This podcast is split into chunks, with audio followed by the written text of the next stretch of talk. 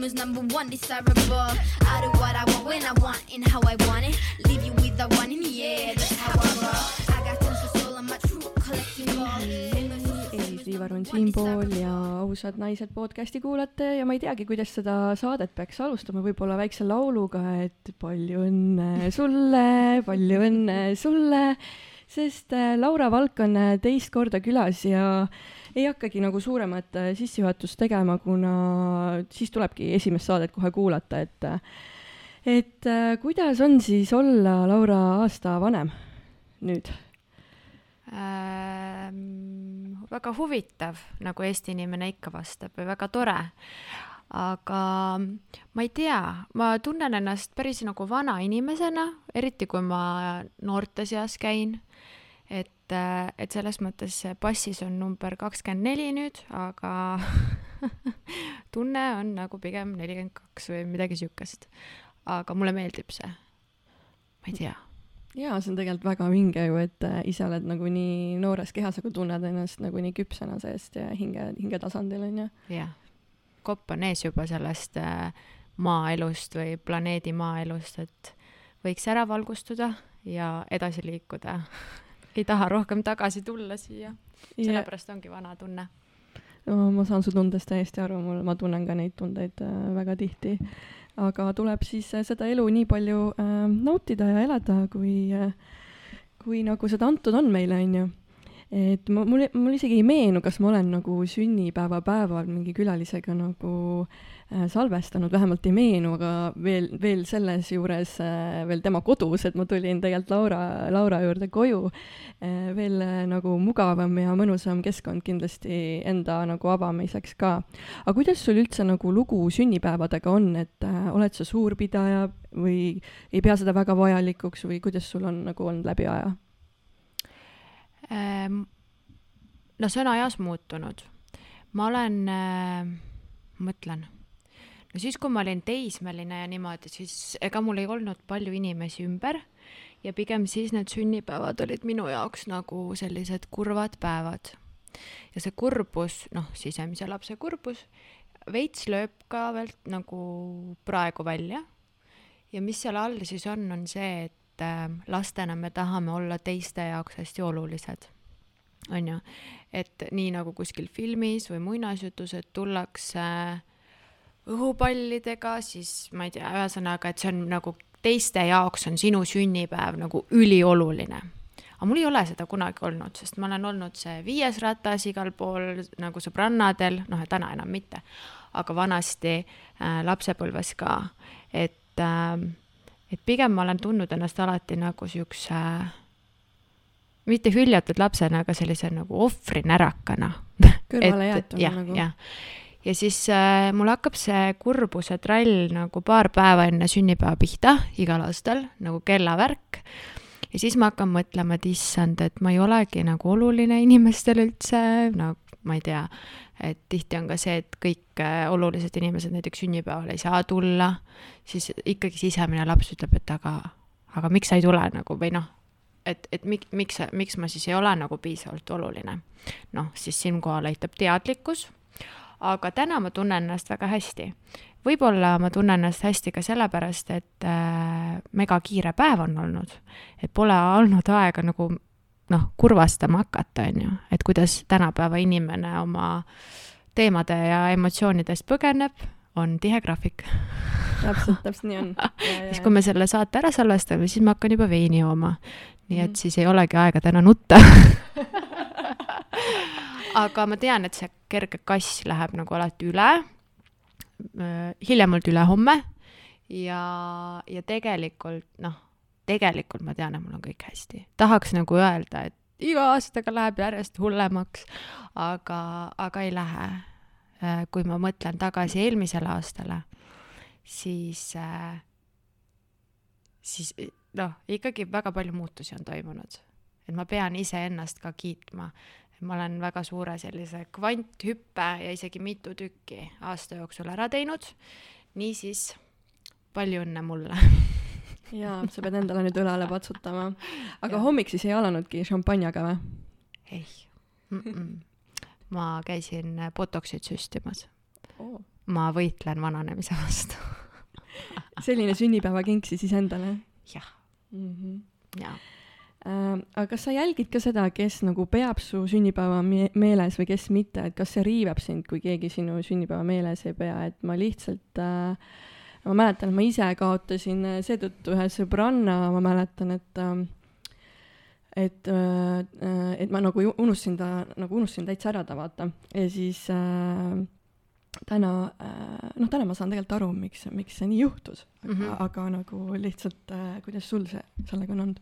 no vaata, kui sa unustasid ta sünnipäeva ära, siis tegelikult noh, kohe tek-, ongi okei okay,, kahju, et siis ma ei tea, sõprus katkes, onju, aga Mhm. siis tegelikult ta ei olnudki sulle nii oluline. ja noh, siin ei ole midagi seda, et küll sa ikka oled nagu mingi halb inimene sellepärast mm, -hmm. vaid me kasvamegi elus ja prioriteedid muutuvad mm. -hmm. äh, mina noh, selles mõttes nutiajastul tänapäeval, kui ma räägin nagu mingi Instagramis, kui ma räägin Facebookis, kui ma räägin, ma ei tea, kui mul on meeskaaslased, ma neile hakkan rääkima mingi kaks kuud enne oma sünnipäeva sellest, et mul tuleb sünnipäev ja see on sellel kuupäeval ja see on väga oluline mu jaoks.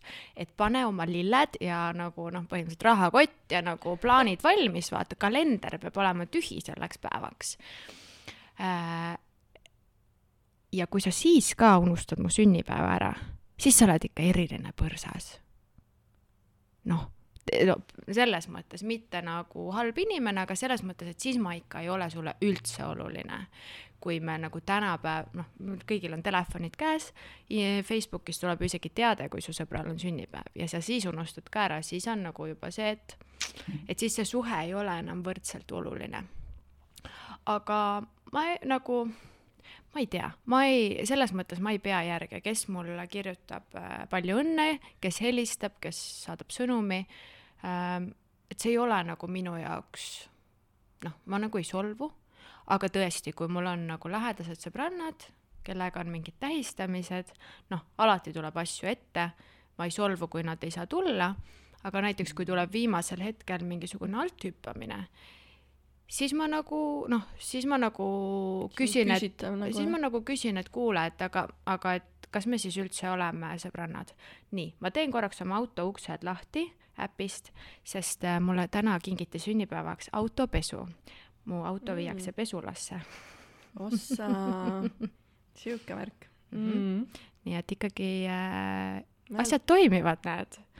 midagi on hästi ja midagi on väga hästi Mm. ja ma olen väga tänulik meesterahvaste üle, kes mul elus on. sellega on nüüd korras. Mm -hmm. et ma ei ole nagu sihuke suur solvuja, ma tahan hästi, ma alati nagu annan endast maksimumi, et näha mündi mõlemat poolt, et panna ennast selle noh, teiste inimeste jalanõudesse üleüldiselt. aga lihtsalt noh, siis ongi see, et kas me siis nagu nimetame ennast näiteks paariks, kas me nimetame ennast sõbrannadeks või siis me võib-olla oleme juba jõudnud tuttavate staatusesse, kui noh, kui noh, kui see ei ole sinu jaoks oluline ja see ongi normaalne, et me peaksime inimestena õppima laskma üksteisest lahti. sest kõik suhted on vabad tegelikult. me oleme, esiteks kõik suhted on vabad, aga teiseks me areneme tänapäeval. noh, sada aastat tagasi sa olid võib-olla täpselt samasugune inimene, noh, kolmkümmend aastat järjest, on ju. aga täna kõik teevad oma teraapiaid, kõik loevad, kõik käivad kursustel, kõigil on erinevad huvid, erinevad nagu kired, inimesed kolivad erinevatesse riikidesse, on ju, noh, see ongi normaalne, et meie teed võib-olla mingil hetkel lähevad lahku ja kui see läheb ilma draamata, kui me laseme üksteist vabaks, noh, siis võib-olla me saame kas või sõpradena kunagi hiljem kokku tagasi. aga kui nüüd võtta mingi noh, sisemine laps lasta täiega nagu röökima, on ju, et kuidas sa julged mind mitte näiteks kutsuda sinna või ma ei tea, mitte minuga arvestada, noh, et siis me teeme iseenda s- nagu suhted ja elu dramaatiliseks ja raskeks. et äh, äh, kui noh, ma mõtlen nagu niimoodi, et ka suhtes, kui ma hakkan sulle äh, paistma või tunduma kohustusena, siis ma ei ole kohustus. sa oled vaba, sa ei pea midagi tegema ja võib-olla siis on aeg nagu mõelda, et miks me üldse seda asja teeme. kui ma olen äh, kalendris näiteks kirja pandud äh, date Lauraga ja siis see on noh, sama värvi nagu mingi pesu, pesumaja külastus või no midagi sellist. et siis see ei ole võib-olla enam vabatahtlik mm., vaid sunniviisiline aga kus lähevad siis need piirid, et äh, sõbra ja tuttava tasand, et sa tõid küll ühe näite, aga kust, kust võiks nagu aru saada, et okei okay,, see inimene ilmselt on nüüd läinud ikkagi juba tuttava staatusesse, mitte enam nagu lähedasem sõber, on ju mm.? no mul on mõned sõbrannad, kellega ma tõesti suhtlen mingi korra kuus, aga meil on nagu selline number üks asi vist minu jaoks on usaldus et meie vahel on säilinud lojaalsus. Äh, kui mulle tuleb, äh, ma ei tea, Viru keskuses vastu mingi tšikk, kellega, ma ei tea, kunagi käisime peol või ühesõnaga, kes on nagu tut-, noh, keda mina pean tuttavaks ja ta mulle midagi räägib, siis, siis mu esimene mõte ei ole see, et ma ei tohi seda nüüd kellelegi edasi rääkida või noh, et ma olen nüüd lojaalsuskohustusega, vaid meie vahel on mingi leping, on ju Äh, või siis, et ma ei tohiks tema mingisugust eksi sebida. Aga kui on minu jaoks sõbrad ja sõbrannad, siis on see, et kui sealt läheb mingi info edasi, mis äh, ilmselgelt ei peaks minema, siis ma nagu tunnen reetmist. Äh,. samamoodi noh, sõbrannade mingeid ekse, isegi kui see eks on aastast, no ma ei tea, kaks tuhat kümme on ju, ei vaata, never ja ma tean, et ma ei vaata ka nagu kahekümne aasta pärast. näiteks oma mingi sõbranna, ma ei tea, eelmist elukaasast, see ei tule kõne allagi, meil ei ole millestki rääkida. eriti, kui see mees oli põrsasta vastu nagu. et eh, pigem ongi see lojaalsus, ma ei pea nii oluliseks seda, et peab nüüd, me peame rääkima kord nädalas, sest siis see ei ole jälle vaba. aga mul on, mul on tihe graafik, mul on kõik sõbrannad on üliedukad äh, ülikõvad äh, mutid selles mõttes nagu karjääri mõistes ja kõik, et mul ei ole aega nendega suhelda iga päev, eriti kui on lapsed. ma arvan, et neil ei ole sinuga ka, on ju. just. noh, ja siis ma saaksingi nüüd hakata nutma, et miks te ei pea mind oluliseks aga see on mõttetu mm. -hmm, mm -hmm. Aga liigumegi siis äh, suhteteemade juurde, mis on Laura lemmikteemad. Täiega. Et endal ähm, pole ühtegi normaalset suhet kunagi olnud, aga õpetan teisi, näed. Yeah., äh, täidan selle terapeudi normi ära, et äh, ise hakkama ei saa, aga õpetan teisi. tegelikult nii hull ei ole, mul on mm. väga hästi. Et mis siis Eesti suhtemaastikul suletud uste taga päriselt toimub, et kas selliseid terviklikke suhteid ka üldse on, et oskad äkki avada noh, on kahte sorti kliente, kes mulle teraapiasse tulevad. ühed on need, kes äh,, kellel on suhe nagu täiesti lappes, noh, kellele tahaks öelda, et kuule, teeme siin töö ära ja noh, hakka ennast nagu mentaalselt valmistuma, et kui sa nüüd selle armastuse enda vastu kätte saad, et siis noh, sa tuled sealt ära varem või hiljem. aga teised on sellised, kes tulevad ja ütlevadki, et tead, et ma olen suhtega nii rahul, ma olen nii õnnelik või mul on nii hea mees ja nüüd uskuge mind, selliseid mehi on ja rohkem kui üks või kaks maailmas, eriti Eestis. et nad tulevadki ja neil on teemad hoopis mujal, nagu noh, näiteks ma tunnen ennast ebakindlalt või mul karjäär ei, noh, ma ei tea, mul pole raha, noh, et muid teemasid Ise on ka. iseendaga siis nagu mm -hmm. pigem. just nagu., just ja, ja väga paljud naised tulevadki, ütlevad, et, et ma olen iseendaga nagu nii konfliktis või nii pahuksis praegu, et mul mees on jumala normaalne, mul on isegi kahju temast nagu noh et, et pigem ei ole alati see, et kaalukauss sinnapoole, et mehed oleksid need äh, nõrgemad pooled suhtes. ehk siis Eesti suhtemaastikul on äh, igasuguseid asju mm. -hmm. ma arvan, et laias laastus valitseb alati harmoonia, vaata, tasakaal.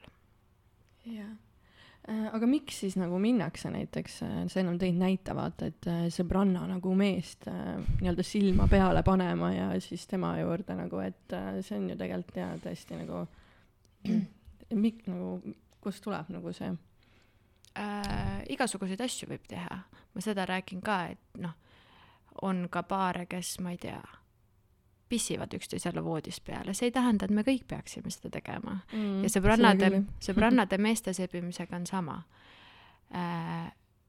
noh, ma ei vaata selliseid naisi, noh, ma nagu vaatan asju neutraalselt, et ma ei mõista kedagi hukka, kõigel on põhjus, aga ma ei vaata neid kui väga heas suhtes iseendaga olevaid inimesi äh, see, kui me läheme otsima kas suhtes inimestelt või siis oma lähedaste eksidelt või noh, jumal teab kust äh, kinnitust, siis tegelikult see ongi, mul on vaja väljaspoolt kinnitust, sest ma ei usu, et ma olen piisav ja mida nagu suurema hinna ja riskiga see kinnitus tuleb, seda vingem on. aa, isegi tema tahtis mind, on ju. ja siis tekib see, et aa, näed, et noh, isegi kui inimesed endale seda, naised või mehed äh,, ei tunnista, siis tekib ikkagi see, et aa, näed, ma olen nüüd parem kui mu sõbranna. näiteks äh, kui me räägime konkreetselt sellest, et ma ei tea, mina näiteks täna läheksin oma sõbranna mehega voodisse, on ju, sõbranna mehega, mitte eksiga, aga mehega, siis tekib see, et ai raisk, et ma olen nüüd nagu validate'id, on ju, ma olen nüüd parem kui mu sõbrants, noh muidu ta ei oleks ju petnud. et see on puhas ego tasand. et noh, järelikult ma siis nagu, mul endal on ikkagi nagu kehvasti veits jaa, et ma vaatan ja kuulan sinu story sid ka, et ikkagi nagu päris korralik egode ja draama mäng toimub seal, et olen päris nagu üllatunud, aga tegelikult see ongi nagu meie reaalsus, et äh, mõtlen, et tegelikult me ju soovime, et äh, lihtsalt see teine inimene oleks äh, hingega nagu kohal, tuleb ja valib meid, et me soovime nagu naistena ikkagi sisimas näha seda nii-öelda kindlameelselt pühendunud meest, kes kõigele sellele on avatud ja enda jaoks asjad nagu läbi mõelnud ja tuleb, pingutab ja tegutseb nii-öelda siirusega, et mis sina arvad, millises kohas see naine võiks äh,, peaks olema, et äh, sellist meest endale ligi tõmmata? äh, ideaalses kohas äh, noh, selles mõttes äh, meil on nagu kalduvus vaadata asju hästi mustvalgelt näiteks äh, hästi suur levinud ütlus on see, et sa tõmbad partneri, kes on sinu peegeldus, on ju, ja kes peegeldab sulle kõike ja et kui sa tõmbad endale partneri, kes äh, ei ole emotsionaalselt kättesaadav, siis järelikult mingil tasandil ei ole see ka enda jaoks emotsionaalselt kättesaadav, aga tegelikult meil on kõike. on inimesi, kes on endaga nagu, kes on üliebakindlad äh,, ei ole endaga rahul, ei armasta ennast aga nad tõmbavad endale ligi kaaslase, näiteks mehe, kes kannab neid kätel. ja vastupidi, et see ei saa nagu väita, et nii on, on ju, kõik peegeldavad mm.. seal on suur osa juhusel. ja selles, noh, isegi on ka väga ebateadlikke inimesi, kes satuvadki oma eluarmastusega kokku ja, ja kõik on hästi ja noh et selleks ei pea nagu, ma ei saa öelda, mis kvaliteedid või mis kohas see naine peab olema äh,. aga sa ütlesid, et äh,, et see, et mees tuleks, valiks mind, on ju. ja nüüd on nagu see koht, et kui äh, emotsionaalselt on näiteks isa olnud hästi eemal, no või füüsiliselt ka, on ju siis meil on kalduvus, ma räägin omast kogemusest siin puhul meil on kalduvus valida siis partnereid, kes on kas väga hõivatud, kes on suhtes, kes on emotsionaalselt ära, kes on sõltlased, noh, see on see kaassõltuvuse teema jälle. näiteks mina valin siis mehi, kes on hästi hõivatud, kellel on kalendrid on hästi täis, kes juhivad väga selliseid nagu suuri mingisuguseid ettevõtteid või kes toimetavad väga palju, kellel on palju hobisid. Ja, ja siis hakkab minu see sisemine hääl ütlema, et nii, mis ma pean tegema selleks, et ta valiks mind, on ju, et vali mind, vali mind. ja noh, kui oled sellest teadlik, siis ei lase sellel nagu lappama minna. Ja, ja kui see tasakaalukauss hakkab liiga paigast ära minema, noh, siis saab nagu öelda endale, et kuule, et nagu see siin juba ei ole okei. okay aga me mängime igasuguseid mänge ja see on nagu nii põnev jälgida. ma iseennast jälgin kõrvalt, see on nagu tohutult huvitav. sellepärast mulle need suhted meeldivadki, et eh, noh, igat situatsiooni, noh, muidugi iga inimene ei pea seda tegema, aga mina teen, et peaaegu igat situatsiooni ma vaatan, siis ma tõmban ennast nagu kõrvale ja vaatan nii mis seal praegu toimub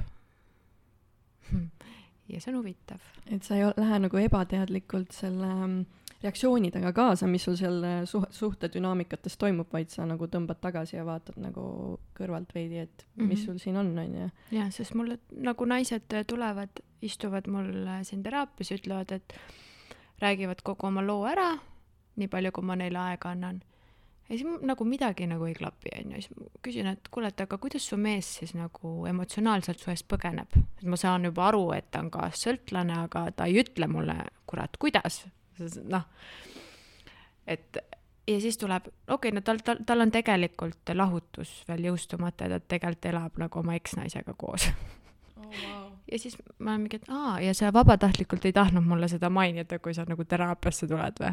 ei no jaa, et aga ta on ju väga super ja kõik tegelikult toimib ja, ja nii edasi ja nii edasi äh,. ehk siis absoluutselt puudub see, inimesed absoluutselt ei hooma, mis tegelikult toimub ja siis ma ütlen, okei okay,, ehk siis sa oled armuke. ei, ma ei ole armuke, ta on juba, nad ei maga enam nagu koos. siis ma ütlen, aga kust sa tead? kas sa magad nendega, oled sa seal kolmas või?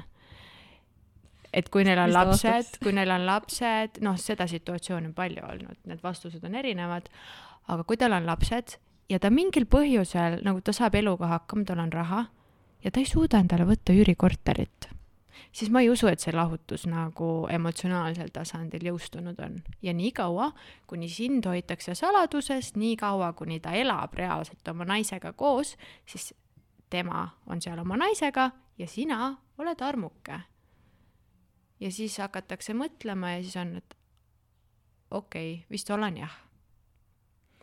Võib-olla kardetaksegi seal teraapiaruumis, kui inimene tuleb, et äh, see minu dünaamika, mida, milles ma olen nii kaua elanud, see tuleb nüüd nähtavaks, Laura toob selle nähtavale ja, ja. on päris suur hirm nagu välja öelda ja sellepärast vist alguses ei tahetagi öelda, vaata.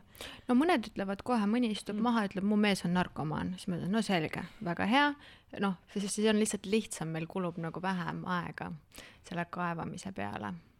aga ma enda jaoks, või tegelikult küsi järgmine küsimus, muidu me jälle ei jõua vastata asju. jaa, aga tegelikult ma unustasin ühe küsimuse ennem ära vaata, ma tahtsin küsida seda, et äh, millised võib-olla need äh,, kuna sa said nüüd aasta vanemaks, et millised on niisugused nagu hoiakud või elutarkus, mis on sinu jaoks nagu selginenud, mida sa oled selgeks saanud mm. -hmm. ma oleksin just hakanud edasi rääkima, kusjuures täpselt sedasama asja mm. -hmm. No, äh, minu jaoks täna ja selles mõttes seda saab võtta universaalselt täiesti, aga räägime siis suhte, suhete näitel, on ju, paarisuhte näitel. hästi suur äh, vastutuse võtmise ja samas ka enda eest seismise koht tuli sealt, et mind ei huvita sinu põhjused, noh, ikka huvitavad, aga põhimõtteliselt ei ole vahet, mis on sinu hea põhjus, näiteks kui me oleme suhtes, mitte anda mulle piisavalt aega, mitte kolida oma, ma ei tea, naise juurest välja või mitte olla aus või mitte suhelda.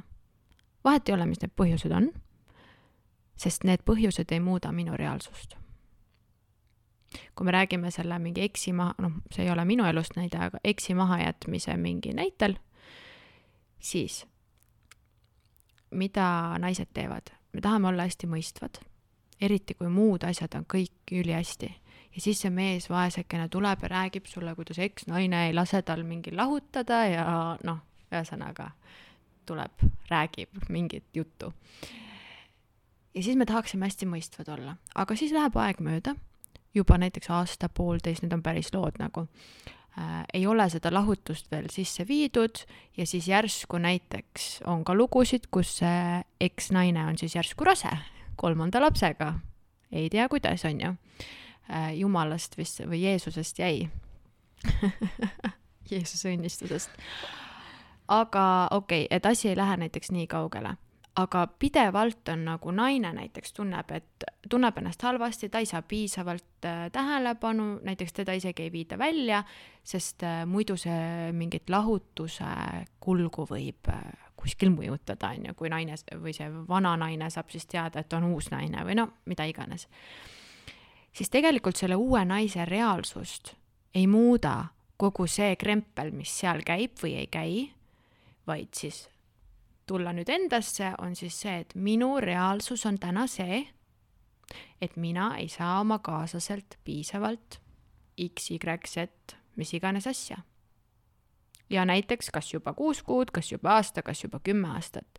minu reaalsus on see, et ma elan koos alkohoolikuga või et äh, mind ei kohelda hästi või et mind mõnitatakse sest naised tulevad, istuvad, aga mul, mehel oli nii raske lapsepõlv. Ja siis ma vastan neile, et aga sinu reaalsus on see, et sa elad koos mehega, kellel oli raske lapsepõlv, keda ema seal alandas, tegi mida iganes, aga tema ei istu sinuga koos siin ruumis. Teraapias. tema ei näe võib-olla üldse päriselt, et tema käitumisel oleks midagi viga. Ehk siis sinu reaalsus on see, et sind näiteks nimetatakse kodus, ma ei tea, tohib siin ropendada, liitsiks, on ju. ei ole vahet, kus su mees seda õppis või kes teda traumatiseeris, kui tema ise sellega tööd ei tee, siis see sinu reaalsust ju ei muuda. ja see teeb nagu asjad väga selliseks nagu kristalselgeks. et mul ei ole vahet see on siis järgmine põhimõte, mul ei ole näiteks meeste puhul vahet, ma võin armastada sind no nii palju, et ma ei tea, ma tahaks mööda seina üles ronida äh, kire mõttes või et ma armastan sind nii palju, et mu süda tahab nagu lõhkeda, on ju, suurest armastusest. aga kui sa ei kohtle mind nii, nagu mina vajan, no see ei ole isegi, see ei ole väljapressimine, see ei ole ähvardus, vaid see on minu standard kui sa ei anna mulle neid asju, mida ma vajan, siis vahet ei ole, kui palju ma sind armastan või kui kallis sa mul oled või kui rikas sa oled või mis iganes asju naised vaatavad, siis ma ei saa sinuga koos olla. et me proovime, me proovime, okei okay,, kolmas kord räägime sellest samast asjast ja kui ta lihtsalt ei suuda näiteks, ma ei tea, rohkem oma emotsioone tunda ja näidata, kui ta lihtsalt ei suuda mulle rohkem aega pühendada, siis mul ei ole vahet, kui palju ma sind armastan mina armastan iseennast rohkem. Ja see on vahepeal väga valus, aga meie sisemine laps ja me ise vajame tegelikult seda, noh, me tahame, et keegi valiks meid, aga mida me vajame, on see, et me valiksime iseennast. ehk siis mitte ühelgi tingimusel ei ole ma nõus iseennast reetma. ja see on valus koht, kus olla, siis noh, ongi äh, eelmises episoodis see, me salvestame nii palju neid asju ette, eelmises episoodis ma lõin käsi kokku, rääkisin, kuidas ma olen suhtes, täna ma ei ole suhtes. no asjad juhtuvad, elu Just. juhtub. ja, ja ongi, sest sellepärast mitte, noh, see inimene on mulle nagu nii kallis, ma armastan teda väga, aga ma ei saanud sealt seda, mida ma vajasin. see lõpuks äh, jätab sind õnnetusse kohta ja sa oledki nagu, et noh, minu vajadusi ei, nagu ei mm -hmm ei, ei tahetud kuulda võtta nii-öelda, et selle kompriss, kompromissi tegemisega ongi nagu, see on väga nagu libe tee mm, nagu lasta juhtuda nendel asjadel äh, minna selliseks, et nagu, et minu vajadusi nagu lõpuks üldse nagu ei nähta või ei ole kuuldud, et, et äh, tahame olla seal liiga mõistev naisena mm, -hmm. aga siis äh, nagu laseme seal nagu mm -hmm. liiga nagu la laperdama minu arust no minu see viimane kogemus äh, oligi see, et mind koheldi hästi, me olime koos õnnelikud, meil oli, kõik oligi hästi. See kõlab nii naljakalt, nagu ma oleksin mingi psühhopaat, aga okei okay,, ütlen välja. aga see, noh, mulle imeliselt kallis mees rääkis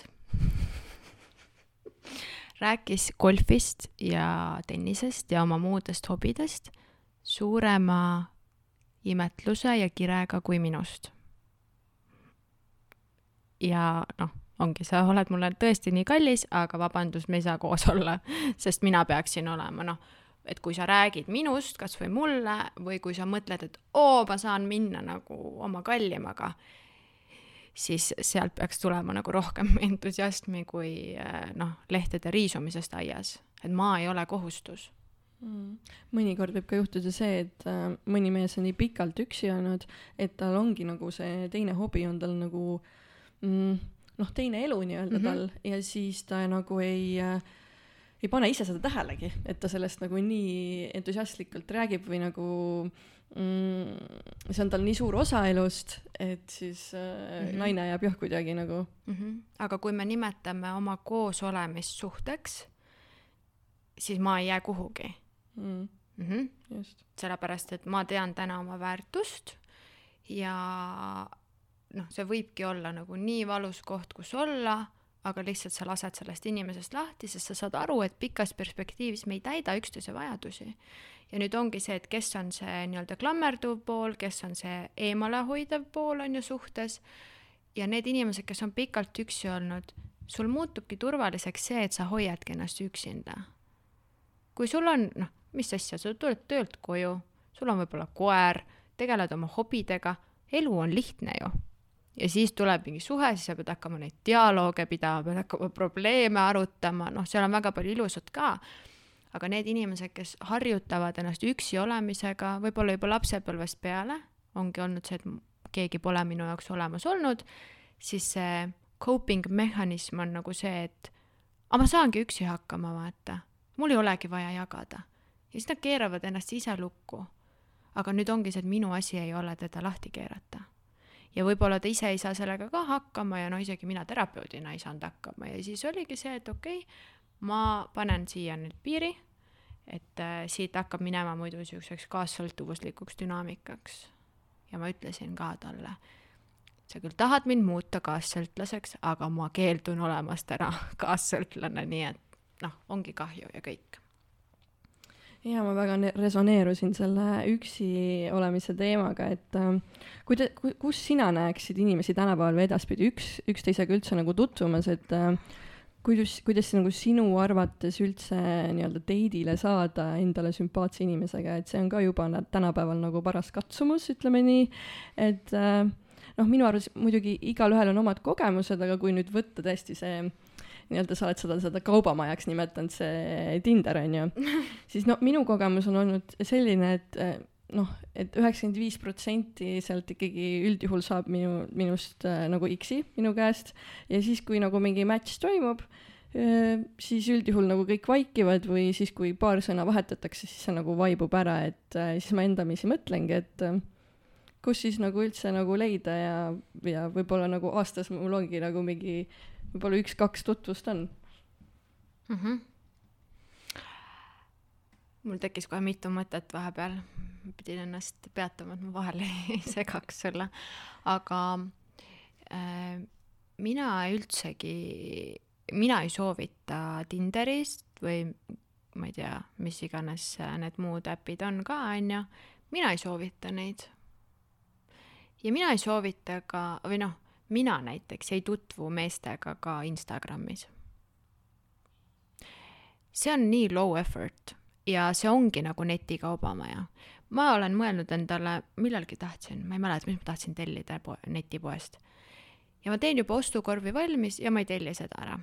aga mulle meeldib see kick, et ma shoppan midagi, on ju, ja isegi ei pea kaardiandmeid panema, juba tuleb see hea, hea tunne sisse, vaata mm.. ja ma arvan, et seal Tinderis on suht sama sa saad kellegagi match'i, sa saad selle kiki kätte, on ju, oh, keegi valis mind. aga keegi pühenduda ei viitsi. ja isegi ongi, noh, ma ei tea, käime esimesel date'il ära, ongi sihuke, et noh, okei okay,, on ju. aga siis tuleb juba keegi huvitavam. et see netis tutvumine ongi selline, et sa lähed nagu, ma ei tea, noh, täiesti miinimum effort'iga sisse, noh, naised ise ka ju, mitte ainult mehed vot nagu swipe idki ja vaatad seal ja, ja no see ei ole nagu väga personaalne. ehk siis, kui keegi kirjutaks mulle Instagramis tšau, lähme kohvile, mille alusel sa mind kohvile kutsud? selle alusel, et mul on nagu kunstissid ja et ma olen ilus või? ma ei tule nagu, ma ei raiska oma aega, ma ei käi tööintervjuudel. Äh, ehk siis äh, mina kustutaks kohe kõik äh, mingid, ma tean ka inimesi, kes nagu täna abielluvad oma Tinder match'iga aga lihtsalt see on nagu jällegi ülikeeruline äh,. kuidas tut-, kuidas saada siis mehele nagu, kellel, kellega võiks olla samasugused huvid ka. käi väljas ja mitte ma ei mõtle ööklubis, sealt sa võid lihtsalt noh, mitte selle nii-öelda kvaliteetse kaaslase endale leida, aga äh, tegele iseendaga. mida mina tahaks teha? Mm, okei okay,, ma tahaks äh, tegeleda mingi kunstiga, kunstigaleriid, mingid näitused äh,, mis iganes äh,, workshop'id on ju ma tahaks tantsimist õppida. kuulge, bachata ja salsa pidudel olete käinud? seal on, seal on väga lihtne tutvuda inimestega. Sest seal tekib see päris ühendus, vaata, me oleme samas ruumis, siis juba sinu füüsiline pool peab mulle meeldima keemia, on ju, bioloogia, see kõik teeb meie eest töö ära, mida Tinder ei tee. et kui me seal koos tantsime, siis ma saan aru, kas mulle meeldib su higilõhn või mitte, kas sul suu minu jaoks haiseb või mitte, on ju, noh, ühesõnaga, et kas need asjad juba klapivad. ekraani pealt seda ei näe ja eriti arvestades tänapäeva naisi, kellel on see face äpp, on ju, siis kõik naised Instagramis näevad samasugused välja. Et meestel võib suht hirmutav olla ma isegi, ma Sellepärast- isegi ei ole vist kuulnud sellest või No ma ei kasuta. see võib-olla sellepärast sul ongi ainult kaks uut tutvust aastas, et et sa ei Photoshopi ennast. aga ühesõnaga mina panustaks tõesti, tegeleks nende asjadega, mis teevad, mis tekitavad minus kirge ja ja mis teevad mind õnnelikuks, kui see on reisimine ja minegi reisile üksinda, ära istu telefonis või mine käi jaluta väljas. Äh, mine, noh, mis iganes sulle teha meeldib, ehk siis panusta iseendasse ja ära mine sinna mõttega, ma tahan kellegagi täna tutvuda, no siis on kindel, et sa ei tutvu kellegagi, vaid lihtsalt vii iseennast teidile ja ole iseendaga või sõbrannadega sellise tundega, et mul on siin praegu nii tore, et isegi ei tahaks, et keegi tuleks minuga rääkima ja oi, siis nad hakkavad tulema aga miks see nii on, vaata, et sa ütlesid just, et, et kui sa lähed siukse mõttega, onju, et siis ei tule kohe kindlasti ja nüüd, kui sa nagu ütled, et mm. -hmm. noh, ma ei, ma ei taha kedagi, onju, siis tulevad. Äh, see on sellepärast, et äh, ü- esimene pool siis sellest on ju, et oh, tahaks, tahaks lõpuks ometi kellegagi kohtuda. see on sama, ma näen seda riidepoes ka. kui mul on midagi vaja, mingit uut kleiti või midagi, pood on justkui tühi. Oled tähele pannud? no mina olen suur shoppaja mm. -hmm. aga ühesõnaga ma lähen, marsin oma sinna saaresse sisse, onju. nii, mul on vaja mingi pildistamise jaoks valget pintsakut pole mitte ühtegi pintsakut poes see päev näiteks. või versus ma lähen niisama, naudin, ma mõtlen, et ma ei osta täna mitte midagi, lähen ja naudin ja vaatan ringi, siis viimati just oli, pidin äh, riiete lõpetamise proovima, sest kõik asjad sobisid ja see kahju, mis ma seal tegin, oli suht suur, aga okei okay., tuleb lihtsalt rohkem teenida. ühesõnaga see esimene pool, see, et ma lähen midagi otsima, siis sa teed seda puuduse ja igatsuse energiaga. sa keskendud puudusele, mul ei ole meest ja siis sulle justkui noh, kui me räägime sellest esoteeriliselt poolest, siis universum peegeldab sulle seda, et puudust, et sul ei ole meest. noh, see on nagu lähed metsa ja karjud Laura, siis sealt ei tule vastuseks Maris, vaid sealt tuleb vastuseks Laura, noh, ehk siis selleks, et äh, peeglist tuleks sulle naeratus, pead sa peegli ees kõigepealt ise naeratama. noh, see, see kõlab nagu voodoo ja ma ei tea, miks see nii on, aga see toimib. jaa, see tõesti on nagu siukene paras vemp nii-öelda universumi poolt äh, pandud, et äh, tõesti niimoodi need asjad nagu käivad, aga ausalt öeldes ma olen käinud nendel bachata pidudel ja ma olen bachatat tantsinud ka ja ja no ei ole ükski tüüp mulle seal väga nagu silma jäänud, ütleme nii. no aga see ongi see, vaata, kui sa lähed seda bachatat tantsima iseenda pärast, mm. -hmm. mitte et kellegagi tutvuda, siis sul on igal juhul tore. Mm -hmm. Aga kui sa lähed sinna selleks, et kurat, tahaks, et mingi täkk tuleks ja tantsitaks mind ja et muidu mul ei ole hea olla, vaata, siis see pidu tundubki sihuke mõttetu. vaid et ongi, mina teen neid asju iseenda jaoks, ma teen seda, mis mulle meeldib, mis muudab mind kirglikuks. ja siis teised inimesed märkavad seda, et kui sa vaataksid iseennast näiteks kõrvalt, üks pilt on see, kus äh, ma tean äh, kunagi me käisime istumas sõbrannadega kuskil, no lounge ides näiteks, istud seal, ma ei tea, kolmekesi, kõik mõtlevad, et mehed on sitapead, aga tahaks nüüd normaalset meest kohata, et tuleks nüüd see prints valgel hobusel, onju, ja siis kõik istuvad ja vaatavad seal ringi, veits igav, igavuses, veits tigedad, onju, meil olid endal veel mehed kodus olemas ka, aga otsisime paremaid variante, vaatad ringi, mitte keegi ei tule. Ja nüüd, kui see on, fokusseeritud nagu sellele. no see ongi puudusele mm.. ja nõudmine on kohe. aga kui sa oled, vaatad kõrvalt kolm sõbrannat istuvad, kõigil on lõbus, kõigil silmad säravad, kõik räägivad sellest, et oh my god, ma nii armastan elada ja ma olen nii õnnelik ja issand, tead, mis juhtus või? siis tekib nagu inimesel kohe tekib see, et oota, ma tahan kuulda, millest nad räägivad, nii põnev, vaata, et palun noh, et, et me tahame ju head energiat, et me unustame ära selle, et tahaks nagu mehele saada, aga kas selline mees, keda sa tahad, kas tema sind ka tahaks või? et standardid ja need, et oo, et ma tahan, et mu mees oleks selline, selline, selline, see on väga tore, aga kui äh,, aga küsimus on selles, et kas kõikide nende omadustega mees, kas tema tahaks neid omadusi ka, mis sul on ja äh, minu õpetaja Bibi, üks Poola naisterahvas, kes on nüüd ka Mindvalley üks õpetajatest äh,, kelle juures ma õpin siis tantrat ja seksi. no ma olengi siin sinu juures ja sul äh, peaaegu kõik aa. äh, raamatud siin äh, Tõeline kas sa mu neid seksuaalsus. äh, klaasist dildosid nägid ikka? ei ole veel näinud, ei ole veel näinud, aga nende kohta on ka küsimused, et äh, Okei. ja tulevad. äh, siis just oli meil loengus äh,, et Bibi ütles, et äh, meil on erinevad rollid, on ju, okei okay,, seda teavad võib-olla kõik, aga meil on siis subpersonalities ehk siis alaisiksused eesti keeles vist ja nüüd, kui minu eesmärk on olla sellises noh, kasvõi seksuaalsuhtes mehega, kus ma saan täiega naudinguid kogeda, kus mees võtab täiega vastutust ja kus noh, tõesti noh, saad nii-öelda nõiatada täiesti lõdvestuda nagu mm. -hmm. ja kus noh, võib-olla sind siis nii-öelda pannakse niimoodi, et sa ei tea, mis su nimi on või noh, mida keegi voodis tahab, onju, siis äh, on mingid alaisiksused, mis aitavad sellele kaasa ja mingid, mis töötavad sellele vastu.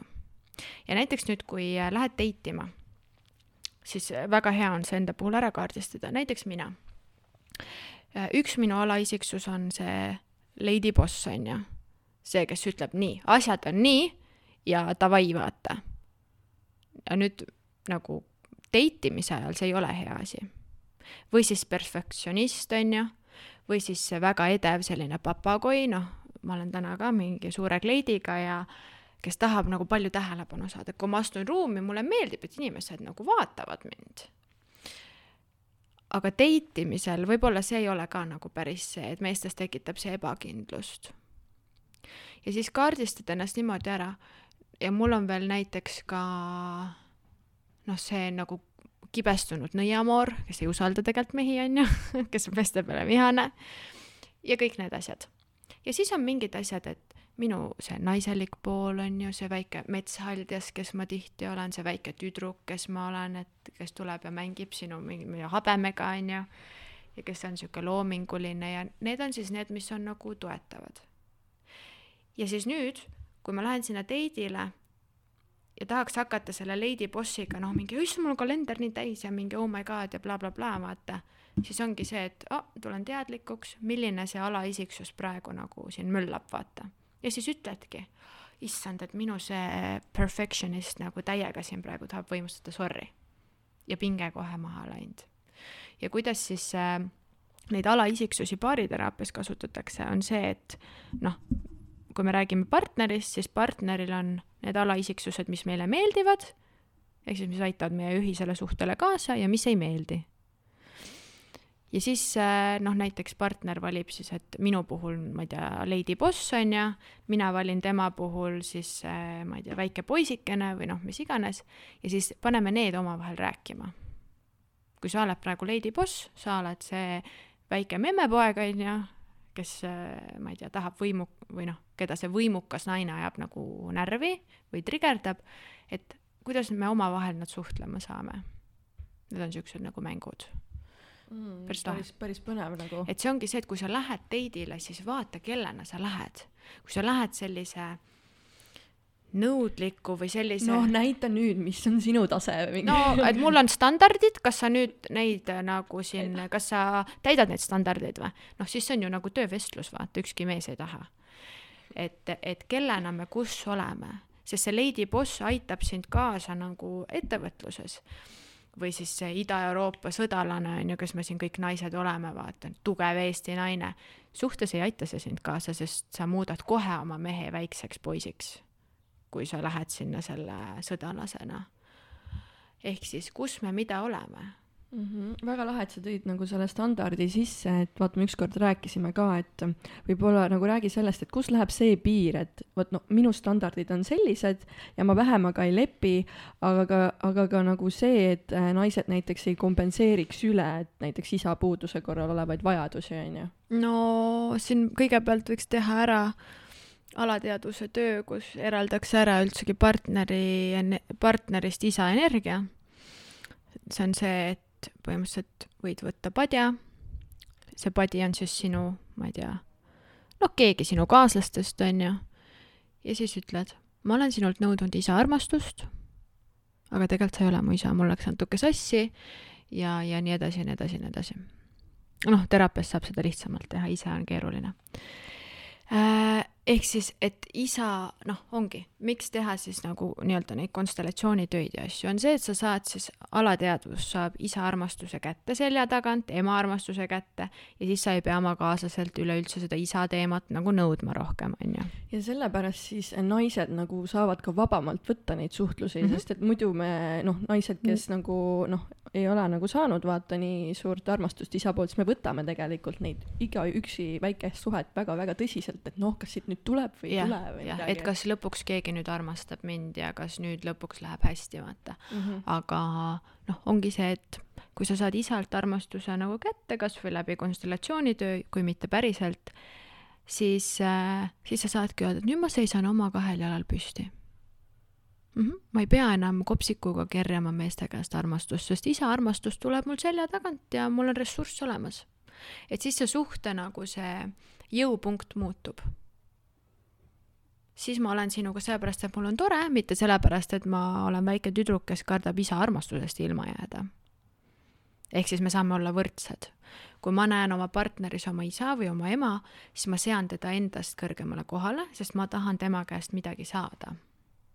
aga tegelikult meie oleme samal tasemel, noh, vanemad on meist suuremad, meie lapsed on meist väiksemad, aga oma kaaslasega te olete selles mõttes võrdsed, et keegi ei ole kellegi lapsevanem kuidas seda nagu ära tunda, et, et ma näen nagu oma partneris nagu isa veidi, et äh, muidu nagu ei, minu jaoks on nagu tavaline, vaata onju mm. -hmm.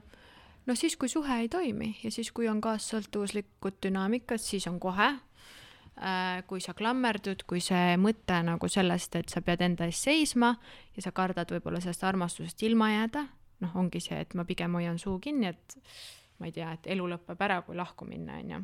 Mm.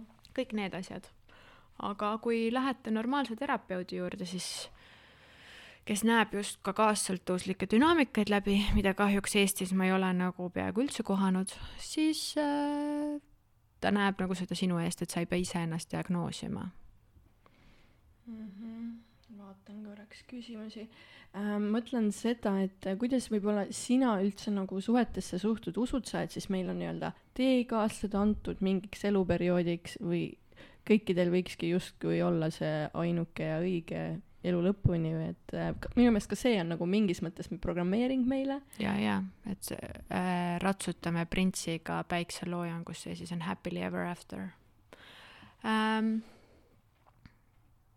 jällegi, ei ole õiget ega valet. ma arvan seda, et äh, vastavalt meie areng, meie arengutasemele inimesena Äh, on lihtsalt erinevad inimesed, kes on meie teele määratud ja küsimus on selles, kas me jõuame sinna välja või mitte mm. -hmm. aga ma ei tea, jällegi ma ei paneks endale seda pinget, kas mul on täna hea olla, jumala savi, mis on kahekümne aasta pärast. Äh, sa mainid ka seda, et ähm, et naisel võiks olla nagu mitu äh,, mitu meest nagu soojas, et mainin või?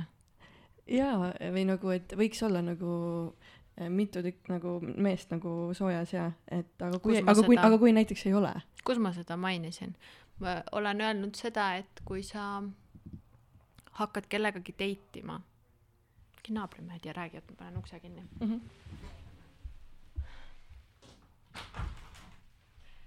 kui sa hakkad date ima, noh, ega midagi ei juhtu, kui sul ei ole seda mitut meest, aga ma räägin lihtsalt, kuidas see nagu äh, jällegi meid on programmeeritud või kuidas me iseennast programmeerime, on see, et näiteks nüüd, ma ei tea, kui kaua sa oled vallaline olnud?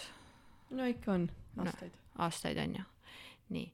Neid äh, ilmselt lörri läinud mingeid teite ja asju võib-olla ka on omajagu nüüd on ju. ja siis nüüd kohtud mingi härrasmehega, kes on nagu, ma ei tea, üheksa koma viis punkti kümnest ja nagu kõik on suurepärane. nii.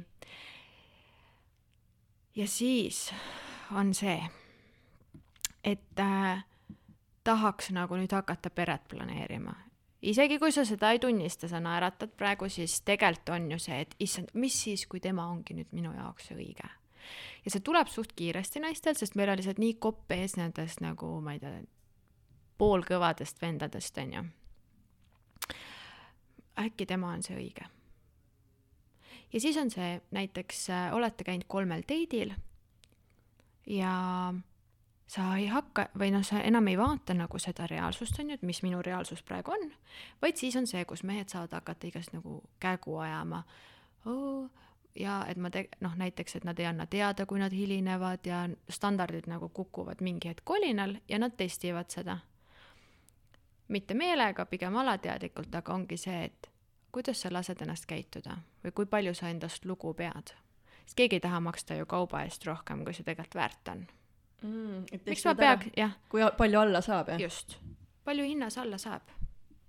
ja ma ei tea, mehed teidivad neid mehi, kes äh, ei kirjutaks äh, nagu teistele naistele. noh, ta võib-olla suhtleb juba mitu kuud sinuga aga kui te ei ole kokku leppinud, et te olete nüüd koos, siis suur on, suurem tõenäosus on see, et tema ei ole sulle lojaalne, kui see, et ta on. sest ei ole üksteisele midagi võlgu, te ei ole leppinud kokku, et ei ole teistega. ja ma tean ka mehi, kes on nagu noh, ongi, neil on päris kaua juba mingid girlfriend'id, on ju, aga nad ikka magavad teistega. ja nad ütlevad, et seal on kõik okei okay,, nad tahavad selle naisega koos olla, kõik on nagu super aga nad ikkagi magavad teistega. sest kokkulepet ei ole, see on vabadus. aga mida siis naised teevad, on see, et nii, mis siis, kui ta on nüüd minu jaoks õige, siis nüüd ma hakkan oma kalendrit vabamaks tegema äh,, ma ei tea, tahaks osta mingeid küünlaid tema poole või mingeid, hakata sisustama tema korterit ja, ja mida iganes veel, on ju. ja siis ongi, siis me otsime vabandusi, ah okei okay,, ta täna tegelikult lasi mind üle mingi tund aega varem aga noh, pikas perspektiivis pole hullu, sest me oleme ju hingesugulased või noh, et, et mm. ma tahan temaga nii väga koos hakkab, olla. hakkab jälle see kompromissi teema nagu pihta, jah. et, et me anname oma väärtuse nagu käest ära. aga meestele meeldivad naised, kes teavad oma väärtust, isegi kui see tähendab, et sa annadki talle nii-öelda jalaga korraks, on ju, kannikatesse äh,, siis neile meeldib, kui nad nad tahavad nagu, mm, kuidas öelda, kõik mehed tahavad endale selles mõttes nagu seda võitu või seda jackpot'i.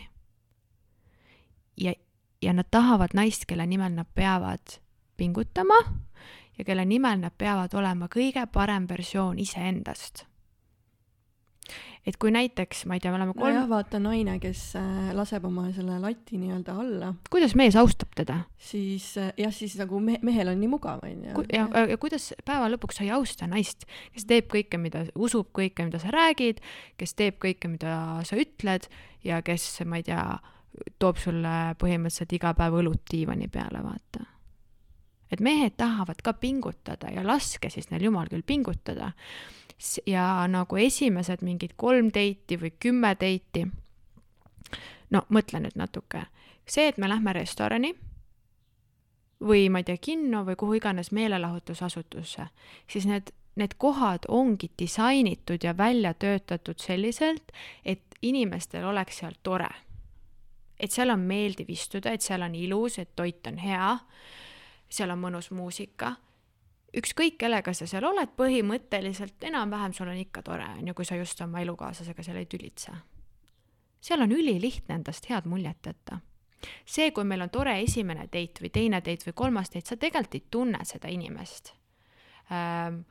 et oo, et ta jättis mulle nüüd äh, summa summarum kuus tundi kokku ülihea mulje kolme teidi peale. ta kindlasti on minu see unistuste mees ja meil on nii ühised väärtused, aga mille põhjal? Mille põhjal? ma oskan endast täna ka väga head muljet jätta äh,. aga see ei tähenda, et ma tegelikult ka selline olen. ma võiksin minna ja rääkida, et ma olen, ma ei tea äh,, mis ma võiksin olla, poliitik või noh, mida iganes. me saame uskumatuid lugusid nagu kokku keevitada. ja kahjuks mehed teevad seda päris tihti, sest naised on läbi aegade endast mõista andnud seda, et mida me kuulda tahame. kõik naised tahavad kuulda, et mees ütleb sulle teidile, et jah, ma tegelikult olen valmis juba pere looma. või et ma tegelikult tahan nüüd äh, selle vallalise elu jätta selja taha ja ma tahan pühenduda. oh, jackpot. no sa saad nagu kohe aru tegelikult, kui see ei ole siirusega öeldud, kui see on saa. nagu nii, ei saa? ei, muidugi ei saa mm. -mm. ja tihti naised ise hakkavad ka nagu rääkima sellest, et oo, ma tahaks nüüd järgmise, ma ei tea, et ma tahaks seda või ma tahaks seda, me räägime ikka oma unistustest ja see on okei okay,, aga lihtsalt äh, seda isegi mitte nagu halvaga ei kasutata ära, aga lihtsalt mehed teavad, et neil on lihtsam, kui nad räägivad meile seda juttu, mida me kuulda tahame. et alguses väga väga, väga kavalalt äh, läbi mõeldud siis jah Äh, sellest räägib hästi see, need kaks raamatut Why men love bitches ja Why men marry bitches ja seal äh, teises osas just ongi minu arust päris pikk peatükk, kus mehed, meeste testimonial'id nagu, kus mehed räägivad sellest, kuidas nad on nagu siis väänanud neid asju ja kuidas nad ongi, nemad tahavad näiteks naisega ainult casual suhet, aga ta teeb sulle aeg-ajalt, nad nä- vaatavad näiteks okei okay,, naine hakkab muutuma rahutuks, on ju, me oleme, ma ei tea, aasta aega date inud ja ma tegelikult ei pühendu talle ja ta hakkab juba midagi rääkima, et ma ei tea, et niimoodi enam edasi minna ei saa, siis ma ütlen talle,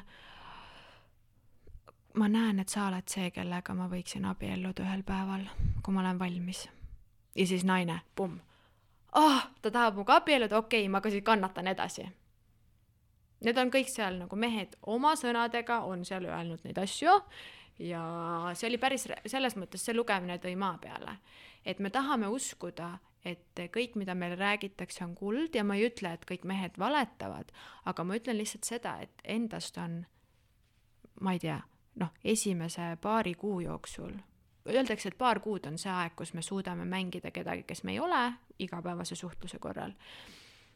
sest me kõik tahame ju paremat näida, kui me tegelikult oleme.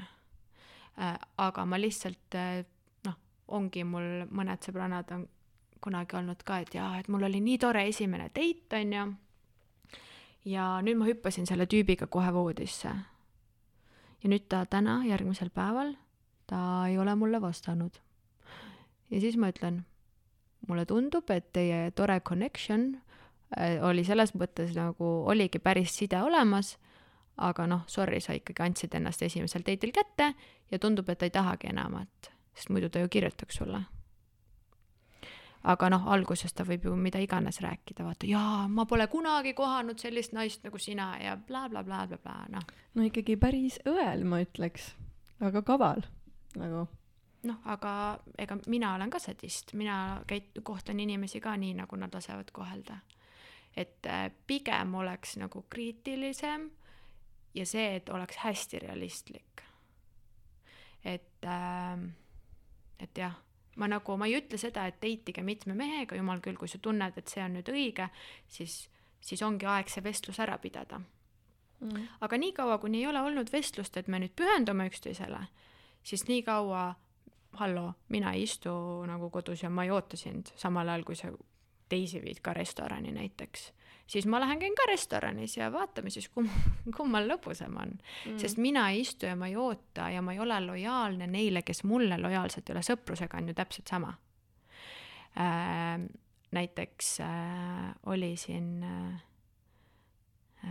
noh, minu selle eelmise kaaslasega, kui me ei olnud veel nagu ametlikult koos, siis ta hakkas mulle seal rääkima, et et jaa, et tema nüüd tunneb minuga esimest korda üle pika aja üldse, et ta ei taha nagu mitme naisega korraga väljas käia. et tal pole enam isegi Tinderit. et ma hakkasin naerma, ütlesin, et oot-oot-oot, sa oled mingi tin-, nagu, et kas ma ei teadnudki, et sul üldse nagu Tinder on, onju, siis ta mingi, et ei, enam ei olegi, siis ma küsin, et millal oli. no mingi paar kuud tagasi oli, vaata ja siis, äh, kui me nagu suhtlesime, aga mitte nii palju, et ma ütlesingi, et aa, ei, see ongi normaalne nagu halloo, vaata, me ei tundnudki nii palju üksteist. ja siis ma ütlesin talle siukse lause, nojah, aga ega tegelikult me ei ole ka täna kokku leppinud, et mina ju Tinderis ei võiks olla. ja vaatasin talle otsa. ja siis tuli sealt järgmine lause, lepime kokku siis ma ütlesin, et me saame seda arutada et äh, tuleb... see ei ole nagu ainult sedapidi, et mehed äh, käivad, et, et meie anname oma selle väe käest ära, et issand jumal, sa käid Tinderis samal ajal või? aga mina võin ka käia. ja ega ma tegelikult käisingi teiste meestega ka väljas nagu samal ajal, kui tema seal oma Tinderis oli, onju. et ma olen võtnud lihtsalt seisukoha, et kui sa mind naisena ei claim'i, kui sa ei tule mulle ütlema, et ma tahan, et sa oleksid minu oma, siis ma ei ole sinu oma. ja siis, kui sa tuled ja ütled mulle seda, siis ma veel ka mõtlen võta mõtlemise aega. järeleandmisi ei ole. ei ole, ei, lihtsalt ei ole. aga räägime sellest bitch'i energiast ka, et äh, miks see siis nii nagu meestele meeldib, et äh, ja kas ikka meeldib enamus meestele, et äh, ma nagu ühe terapeudiga ka tegelikult nagu natuke arutasin seda, et mis, milline see bitch'i energia on ja tegelikult ta ongi nagu selline, et vot ma tahan elada ja teised käigu nagu kuradile, et, et sihuke nagu eluenergia tegelikult on hästi tugev seal mm. -hmm no siin on jälle see, et kas see on ülekompenseerimine või see on selles mõttes bitch, noh, bitch on halb sõna üldsegi või selline mm. negatiivse maiguga, aga kas ma siis nagu olen bitch ehk siis ma olen nagu ebameeldiv ja teen draamat või ma olen bitch, sest ma seisan enda eest. nii, nüüd ma panen auto lukku et tubli tüdruku roll, vaata, väga ei soodusta tegelikult seda bitch'i energiat, et, et seda täiega elamist, onju. sa pead valima. no seda see raamat ka, ma ei taha mingi copy paste ja olla mm, -hmm. aga ähm, sellega on niimoodi, et kui ma teen seda valu pealt, vaata äh,, ma saan valu pealt öelda, et ma ei tahagi suhtes olla. või siis ma saan öelda täiesti kaine mõistusega, täiesti puhta koha pealt, et ma täna tunnen, et ma tahan olla üksi sõnum on sama, aga energia on jube erinev. Äh, see being a bitch on ju, noh, mis see siis tegelikult on, see ei tähenda seda, et mängige meestega või kohelge neid halvasti, vaid see tähendab seda, et seisa enda eest. armasta ennast ja seisa enda eest, selles ei ole mitte midagi halba. ja kui ma nüüd valiks endale kaaslast, siis ma valingi ju endale kaaslase, kes ennast armastab ja see on selle bitch'iks olemise nagu põhipoint, et mehed näevad, et sa tead oma väärtust, sa ei tee allahindlusi ja nad tahavad olla sellise naisega koos, kes ennast väärtustab. see ei ole siis see, et saavad nemad ka paremad ja, olla, nagu sa ütlesid. see ei ole see, nad saavad sind välja teenida, vaata, nad saavad tunda, et see on, oh, et ma olen nagu õnnistatud, et mul selline kaaslane on, mitte see, et aa ah,, küll laseb ennast ikka sitasti kohelda, vaata, siis räägivad sõbrale ka, et pff, kuradi tegi mulle jalamassaaži eile, tegelikult ma samal ajal Tinderist suhtlesin mingi tšikiga, noh, mida iganes, mingi näide jälle. Mm.. aga et see bitch'i teema ongi see, et, et see südameühendus ei tohi ära kaduda. et enda eest saab seista ka väga vägivaldselt, on ju, väga nagu teisi maha tehes ja nagu noh, niimoodi, aga aga kui see tulebki selle koha pealt, et, et okei okay,, et mina vajan seda näiteks mina vajan täna juba, kui me oleme, ma ei tea, mingi pool aastat suhelnud, ma vajan täna seda, et me nagu liiguksime oma suhtes järgmisele tase, tasemele või tasandile. et ma vajan rohkem pühendumist, mida iganes see siis kellegi jaoks tähendab. nii, siis nüüd on, äh, mees ütleb mmm,, ma ei tea, ma ei saa sulle seda anda siis see tubli tüdruk nagu ütleb, ah okei okay,, ma mõistan sind ja, ja sul on ju see lahutus jõustumas seal, vaata, et ma mõistan, sul on nii palju tegemist tööl ja ühesõnaga tüd-, tubli tüdruk või see pleasija ütleb, et aa, muidugi ära sea mind esikohale, okei okay,, okei okay mees pjedestaalile mm. -hmm. ja vaata, siis on varjupool, et tegelikult ta tahab olla valitud, onju. ja, ja, ja siis, ja siis see, käitub ise niimoodi, et, et teda ei valitaks. jah, jah. no sest ta ei nõua seda positiivses võtmes.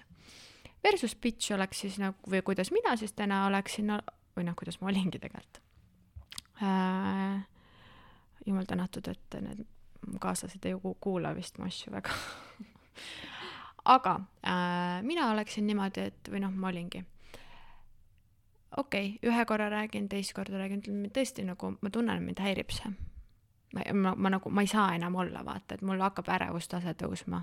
et ma tunnen, et ma vajan rohkem nagu sinu kohalolu, rohkem sinu poolt maandust ja kõike seda. ja rohkem lähedust. ja ta ütleb, et ma ei saa sulle seda anda, no ma ei tea, ma lihtsalt, mina ei tunne sellest puudust, on ju. Siis ongi see, et okei okay siis ma tunnen, et äh, meie need, me oleme erinevates kohtades praegu ja me soovime erinevaid asju. ja sellisel juhul ma arvan, et ei ole õige, et me siin koos jätkame, sest me raiskame üksteise aega. ja kindlasti on tema jaoks sobivam kaaslane, kindlasti on minu jaoks sobivam kaaslane. nii, ja nüüd ongi, nüüd on siis kaks varianti, kui sa lased selle mehe vabaks, ütled, et ma aktsepteerin seda, et ma ei ürita sind muuta, aga ma tean, et minu väärtus on Mujal. mujal, siis on kaks varianti ja siis peale seda võiks järgneda nagu vaikus selles mõttes, et me siis ei maga koos edasi ja me ei mängi mingit noh, et me ei tuimesta üksteise valu, vaid siis sellest punktist edasi igaüks saab oma asjadega ise hakkama. ja siis on väga palju mehi, kes siis võtavad ennast kokku. aga sa pead selleks nad täiesti vabaks laskma. Versus ongi siis see, et, et ongi kuskil midagi paremat ja ta ei saagi võib-olla üle oma varju hüpata ja, siin ei ole ju midagi nagu bitch'it, vaata, see on lihtsalt see, et ma olen aus. ma näen, et meie pühendumise tase on erinev. noh, meil ei ole mõtet seda jätkata, sest ma hakkan sind vihkama ja juba ma, mina tunnen hästi, jah, mina tunnen hästi kiiresti, kui minu jaoks ei ole asjad õiglased. ja siis ma ütlesingi, või noh, ma olen palju öelnud, ma tunnen, et ma olen praegu, minus on mingi viha su vastu, vaata, sest ma tunnen, et ma saan selle nagu lühema kepikese siit äh, Äh, loosi, loosi kaudu, vaata. Mm.. kuna võib-olla üldse oleks äh, naisel nagu õige aeg siis nagu, nagu seda kiindumistunnet enda sees nagu siis tuua, et vaata, ei tohi nagu väga alguses äh, kohe ära kiinduda, on ju, et äh, üldiselt meestel ja naistel on see hästi nagu erinev. Mm. -hmm et äh, naised kipuvad võib-olla nagu kiiremini kiinduma, et äh, siis, kui alles nagu räägitaksegi nagu, ma ei tea, ühisest tulevikust ja siis niimoodi, siis võib nagu juba mm -hmm. hakata rohkem nagu avama seda ja mm. -hmm. ma laseks mehel juhtida seda. väga lihtne. ma ei ole vist ühelegi mehele kunagi öelnud esimesena, et ma näiteks armastan neid. see ei ole mingi põhimõtteline asi, aga lihtsalt ma olen võtnud endale selle hoiaku, et las mees siis juhib ja vaatame, kuhu me välja jõuame. ja kui me väga kuhugi ei liigu, siis, siis ma võtan selle juhtimise enda kätesse ähm,. et jah, nagu ma ei tea, ma. kas sa oled üldse täheldanud, kas naised teevad äh, nagu rohkem kompromisse kui mehed või milline on nagu sinu tunnetus nüüd suhetes äh,? see on jällegi siin on äh, kahte äärmust. on ka naisi, kes on, naisi, kes on täielikud nagu noh, ma ütleks, et äh, noh, mitte idioodid, aga nagu selles mõttes, et on mehi, kes kohtlevad naisi kohutavalt ja on naised, kes kohtlevad mehi kohutavalt ja ega minu siis seda What would Laura do ja neid asju, neid jälgivad mehed ka, kes kirjutavad mulle ka oma küsimusi, no tihti pikemalt, et Laura, et mul see eks tuli jälle tagasi ja tegelikult tal on mingi uus tüüp, ehk siis need täpselt samad situatsioonid, aga täiesti nagu ümber vahetatuna. ja siis need mehed kirjutavad ka mulle, et Laura, et see, et ma sinu rubriiki jälgin, nagu aitäh sulle, et ma olen õppinud ennast väärtustama et siin ei ole jälle see mehed ja naised, vaid me räägime, siin on siin see pahalane ja siis on see lollikene, on ju ja et võib-olla nagu võibki jääda mulje, et Laura seisab nagu naiste eest ainult ja mm -hmm. nõuab selle. kui, kui äh, mulle kirjutatakse ikka sinna küsimustesse ka mingit naiste poolt täielikku bullshit'i, siis ma nagu ütlen ka seda, et kuule, et nagu muuda veits oma suhtumist. aga ühesõnaga, et ei ole seda, et naised või mehed kiinduvad, aga siis ütleme siis see klammerduv pool suhtes, teine on avoidant, on ju, ehk siis eemalehoidev. klammerduv pool kiindub kiiremini, sest temal on vaja väljaspoolt seda kinnitust nagu saada rohkem. et äh, ja millal seda siis näitama hakata? Äh, noh, mulle ei meeldi mängud, ma tahaks oma, tahan oma elu elada võimalikult lihtsalt ja seda ma olen öelnud ka kaaslastele, et ma ei viitsi sind analüüsida, kurat, ma ei, ma tahan nagu pühapäeva õhtul olla lihtsalt Laura, mitte terapeut, et ma ei taha analüüsida seda, et eh, miks sa käitud nii, nagu sa käitud või et mida ma peaksin nüüd vastulöögiks tegema selleks, et see mingi asi siin toimiks, on ju. Ei viitsi, lihtsalt ei viitsi. Äh, kui, äh, kui hakata kiindumust näitama, noh, öeldakse niimoodi, et naised alguses kohtlevad mehi nii, nagu nad tahavad, et neid koheldakse ja siis peale seda nad kohtlevad mehi nii, nagu mehed neid kohtlevad. ja siis üldiselt meestele ei meeldi see, mis nad sealt nagu peegeldusena saavad. aga kiindumust, kiindumuse näitamisega ei ole midagi häda. seda, kui sulle inimene meeldib, siis seda tasuks nagu näidata välja algusest peale, sest ükski mees ei taha ka panustada oma raha ja aega naisesse, kes nagu näitab null huvi tema vastu.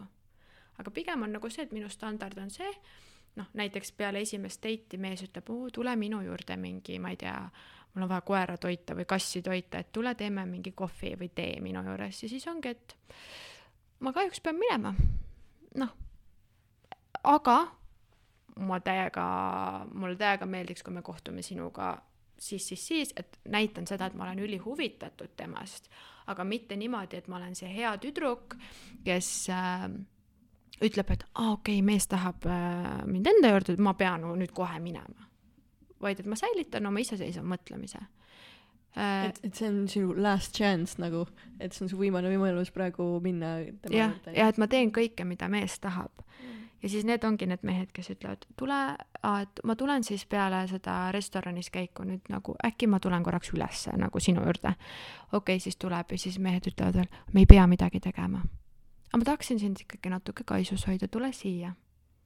diivani peal, vaata, isegi kui noh, sulle võib-olla meeldib see mees nagu täiega ja mingi osa sinust tahaks, aga siis ongi see, et ma ei ole seal, minu sisetunne, ma ei ole selleks valmis ja ma ei tunne, meie suhe on sealmaal. Onju. nüüd on siis see Äh, hea tüdruk on see, kes ütleb, et okei okay,, ma siis tulen sulle kaisu, noh, ja niimoodi see mees saab sind kindlalt voodisse, siis ta hakkab sulle kaelamassaaži tegema, on ju, ja mingi noh, mida iganes, vaata. aga see bitch ütleb, et kuule, et tead, ma siin on minu piir jaa, nagu praegu. ma tunnen, et on vara selleks, et sa üldse minu korterisse tuleksid, on ju, noh, et on okei okay öelda ei. ei on täislause aga seda hoolivalt tehes just mm, -hmm. et mehed ei taha ka, et neid alandatakse või ära kasutatakse või nagu nendega südametud ollakse, aga läbi südamlikkuse. et tead, et sa hullult meeldid mulle, hullult, ma väga tänan mehi nagu, kui mul tehakse mingi kingitus või mind aidatakse näiteks äh, või mida iganes, siis ma tänan seesama kord, on ju, et oo, aitäh sulle, nii ilus, mis iganes. ja siis ma kirjutan tavaliselt kas järgmisel või ülejärgmisel päeval või ka veel nädala pärast, et tead, no näiteks see punane kübar on mulle Tulummist toodud. issand, see kübar ikka nagu ma vaatan seda ja see teeb mind nii õnnelikuks või et sa oled nii helde ja ma nii hindan sind ja ma südames tunnen ka seda. et tihti on see, et me oma sisemaailmas nagu tunneme midagi, aga me ei väljenda neid asju. seda on vaja ka õppida ja meestele, noh see mees, kes tunneb, et sa appreciate'id või nagu hindad teda, noh, ta teeks sinu jaoks kõike, kui ta tunneb, et tema on see kuningas. nii on jah. Et siin on nagu noh, see tasakaalu leidmine, vaata, ongi see, et enda eest seismine, aga et ma ei tee seda valu pealt aga need raamatud, need kaks tükki väga nagu aitavad seda mõista. ja kui ongi, et oled endaga töö ära teinud ja sa tunned, et sa armastad ennast, sa oled iseendaga heas suhtes, siis see tulebki loomulikult, vaata, et siis ei tule selle vägivalla pealt, et oh, nüüd ma pean nagu näitama, et minuga küll niimoodi enam ei käituta, vaata, ei, mul on lihtsalt, ma tunnen, et on mingid asjad, mis on minu jaoks okeid, on mingid asjad, mis ei ole ja, ja nii ongi. see on tegelikult ülilihtne tunnen ennast isegi rumalana, et ma nagu räägin siin üldse neid asju jaa, väljendama kindlasti peab nagu kõiki enda vajadusi ja piire, et see on üliülioluline, aga lähme joonimassaaži juurde ka korraks, et ikkagi inimesi huvitab see joonimassaaž ka, et et kuidas see siiski nagu täpselt välja näeb, et sa väga ei reklaami seda ja enne äh, on vaja vist sinu vastuvõtule tulla, nagu ma aru saan, aga nagu vastuvõtt. No,, no, doktor Laura Valk. või noh, jah, just, et äh, sinu teraapiasse, et äh, räägi, mida ja mis punkte nagu sa üritad naistes aktiveerida ja milline see protsess nagu välja näeb mm. -hmm. et sa ostsid nagu tildot ka, et räägi nendest ka ja sa võid näidata mulle ka neid. nii, kui ma käisin, meil oli vestlusõhtu, täpselt sama reaktsioon oli naistel kohe, kui ma võtsin tildot karbist välja, siis, siis oli see, et kõigil olid telefonid käes ja hakati tegema story sid. nii, palun, see on siis äh, tavapärane tildo on ju, sellega saab emaka kaelani väga hästi ligi ja see on G-punkti tildo. ja kui ma saaksin jätta ühe äh,, siis vaata kui ilusad need on kui ma saaksin jätta ühe tildo, siis see oleks see. sellega pääseb igale poole. ja anaaltapp on ka siin. siis ma loodan, mu vanemad ei kuula. jumal küll, surevad ära äh,. joonimassaaž, kuidas see asi välja näeb? no see näeb välja niimoodi, et äh, kui robustselt rääkida, siis alguses me nagu räägime, küsin, et miks sa tulid ja siis äh, saab siia massaažilaua peale pikali heita, kõigepealt on selg, noh, ühesõnaga tagumine külg on ju, siis on rinnamassaaž äh, ja siis on joonimassaaž. ja miks me alustame rindadest? oluline asi, rinnad on äh, need kuldvõtmekesed sinna alumise ukse juurde. võite mind äh, tsiteerida ja miks on see, et kui me räägime tantristlikust vaatest, siis äh, joni on siis nii-öelda miinuspool äh,, rinnad on plusspool ja meestel on vastupidi äh,. kuna mehed penetreerivad oma peenisega, on ju, siis äh, see on pluss, noh, miinus on vastuvõttev, pluss on andev pool, ehk siis mees paneb sulle peenise sisse. ja temal on siis see südamekeskus on miinus. nüüd selleks, et energia hakkaksid meie plussist ehk siis meie südamekeskusest ehk siis meie rindadest liikuma alla, on vaja see osa siin ära aktiveerida.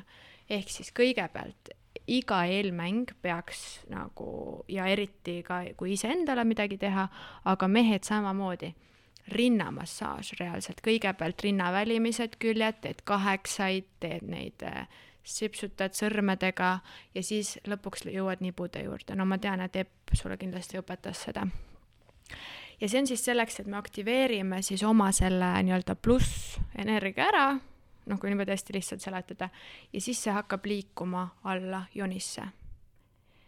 ja need mehed, kes korraks ainult, noh, võib-olla mõned ei katsugi rindu või ma ei tea, mida need mehed teevad, siis see on vale, sest juba nagu selleks, et jonis äh, või siis tupes äh, naissugu elundites asjad nagu toimima hakkaksid, on ju, energia liikuma ja kõik, siis selleks on vaja rinnad aktiveerida. Ja meie nibud on ühendatud sama ajukeskusega, nagu on ühendatud see, et meil läheb alt märjaks. ehk siis äh, rinnamassaaži läbi me täiega aktiveerime nagu kõike, mis seal all toimub ja maandab stressi ja tekitab õnnehormoone ja nii edasi, nii edasi ja rindades saab ka orgasme välja võluda. nii, ja siis jonimassaaž äh,, näiteks äh, ma teen ka noh, muidugi jalad ja reied, aga kui sa võid katsuda ka endal, reie sisemised lihased, noh, seda peab ikkagi pigem kõvasti katsuma, aga reie sisemised lihased, kui on pinges ja valusad massaaži ajal, siis see tähendab seda, et sa ei ole piisavalt rahuldatud energia seisab. no praegu endale võib-olla, kui ma tuleks sulle, siis võib-olla oleks valus, ma ei tea. aga et kui massaaži tehakse, noh siis selle järgi ma saan kohe aru, kas nagu naine, et no mis tal kodus toimub, on ju. ja siis on äh, midagi erakordset ei ole, kõigepealt on äh, päris pikalt on äh, häbememokad, noh, välised kõik asjad, on ju, natuke kõhumassaaži Äh, ja siis on kliitor ja siis ma küsin naiselt luba, kas, ja ma soovitan meestel seda tegelikult ka teha. kas ma võin siseneda? nii, ja siis äh, on kaks varianti, kas ma siis hakkan hästi-hästi aeglaselt millimeeter haaval sisenema äh, oma sõrmega äh, või siis ma ütlen naisele, et tõmba mu sõrm endale sisse. kuna naine on miinuspool ja meil on tupelihased, siis seksi ajal, noh, ma soovitan meestel seda nagu proovida, et ütledki, et tõmba mu peenis endale sisse. ja siis tupelihastega, noh, kui naine on juba peale seda kogu välimist massaaži on mega erutunud ka, siis äh, uskuge mind, ta tõmbab sind enna- endale sisse. Siis ei ole see sisseminek nagu Siis- valulik siis ka see- üldse nagu selline. Ei, ei, ja noh, niikuinii jonimassaaži ajal vaata, sa sisened nagu nii aeglaselt millimeeter millimeeter haaval, et, et siis see on nagu hoopis teistmoodi. sest ja selleks ongi, et miks me küsime luba, on see, et noh, tihti baaridel see eelmäng kestab nagu, ma ei tea, viis-kümme minutit on ju, rohkem väga keegi ei viitsi äh, aga siis on nagu see naise kontakt enda kehaga, kas ma tegelikult olen juba valmis. ja siis hakkadki ütlema, et äh, tead, et mul, tegelikult oleks vaja, et sa veel nagu mind soojendad ülesse. no sest muidugi see loomalik instinkt ütleb, oh, tule kohe mu sisse, onju, aga ongi see, et kas keha on ka selleks valmis. Ja siis ma käin seal äh, noh, põhimõtteliselt kui sa vaatad kella pealt on ju, alustan, ma ei tea, kaheteistkümnest või kuuest, vahet ei ole, ma käin kõik tuppeseinad läbi äh, oma sõrmepadjakestega. Ja tunnetan, kus on pinge, ma suhtlen nagu naisega äh,, ta ütleb mulle, kas tal on kuskilt valus või, või siis on kuskilt väga tuim. Ja siis ma hoian neid punkte seal, see on de-armoring'i sarnane nagu et see pinge vabaneks. vahepeal seal tuleb väga emotsionaalselt see, vahepeal mitte. ja kui need tupeseinad on tehtud, siis ma ütlen ka talle, näed, siin on su G-punkt. siin on emakakael, et nad looksid ühendust. sest see, et hakata kogema nagu väga võimsaid orgasme, siis sa pead tunnetama ka oma keha ja siis ongi see, et paljud naised ei teagi üldse, et oota, milline see emakakael on et nad ei tunne seda võib-olla äragi, kui neil sõrm nagu endal sees on, on ju. et kõik algab kontaktist ja teadlikkusest ja ühendusest. et äh, ja siis äh, noh, oleneb nagu, mis teemad on, aga üks naine näiteks ütles mulle, et või noh, peaaegu enamus naised ei ole saanud tupe seest orgasmi. ainult kliitoriga, on ju et äh, ma ei tea, et mul on emakakael on kas tuim või valus või mida iganes. ja, ja siis ma vastavalt sellele, mida nad mulle muidugi ka rääkinud on ja mida ma ise tunnetan, siis äh, noh, näiteks stimuleeringi emakakaela mingi viisteist minti järjest või niimoodi ja siis lõpuks ongi, nad saavad täiesti nagu kogu keha orgasme mingi, mis kestavadki, kestavadki nii kaua, kuni ma stimuleerin seda sõrmeotsaga. Ja siis ma ise olen siin mingi, issand jumal, et mul on kohe seksida vaja, kui see klient ära läheb nagu, sest see on lihtsalt nii ilus kogemus, mitte et mind naised erutaksid, vaid lihtsalt ongi see, ma vaatan, kui hea tal on ja siis ma mõtlen, et holy shit nagu. nii tugev energia nagu jah, valandub jah, et mul, mul on ka vaja vaata. Ja ma ei tea, kuidas meesterapeudid teevad joonimassaaži, see on nagu tõesti eneseületus, see, et sa selle naisega seksima ei hakka et äh, see on nagu, ma kiidan kõiki mehi, kes äh, teevad joonimassaaži nagu teraapia mõistes ja kes ei maga oma klientidega, isegi kui kliendid paluvad. see on nagu aplaus teile, sest see on, ma arvan, ülikeeruline. sa pead olema ise väga maandatud energeetiliselt mm. ja rahuldatud ka aga milline see kogemus on, ma vaatasin story't, et, et sa oled seda nagu vagina-, vaginaalset äh, sisest äh, orgasmi nagu kogenud mm. -hmm. et, äh, et mm, võib-olla kirjelda natukene seda tunnet, milles nagu erinevus kliitori oma, omast? no kliitori orgasm on selline, eriti kui vibraatoriga seda teed, on selline noh, nagu närviline või selline nagu mehel pauk lahti läheb, vaata selline ja kõik, on ju. Aga see sind tegelikult ei maanda. tupe sisemine orgasm, noh, siin on nagu ka vahe selles, et kas sa nagu rahuldad iseennast või toimub see seksi ajal, on ju. on see, et äh, selle, sinna on vaja lõdvestuda. eriti kui oled mehega koos, on see, et sa lased sellel heal tundel võtta kogu oma keha üle. Aga kui me hoiame ennast pinges, valves, hoiame kõhtu sees, et olla nagu seksikad, on ju, kontrollis. kontrollis. ja me võib-olla ei usalda seda meest äh, täielikult emotsionaalselt, siis ei tule seda orgasmi.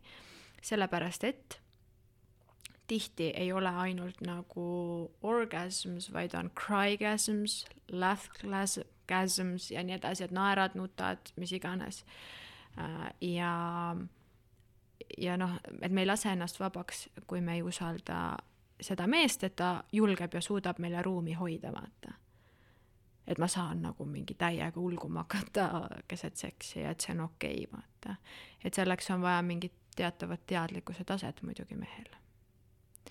nõus, nõus ähm,. jaa, et aga see ongi selline, et et see on nagu, tuleb nagu lainetena ja ma ei tea, ma ei oska seda niimoodi kirjeldada, aga sellesse on vaja alistuda.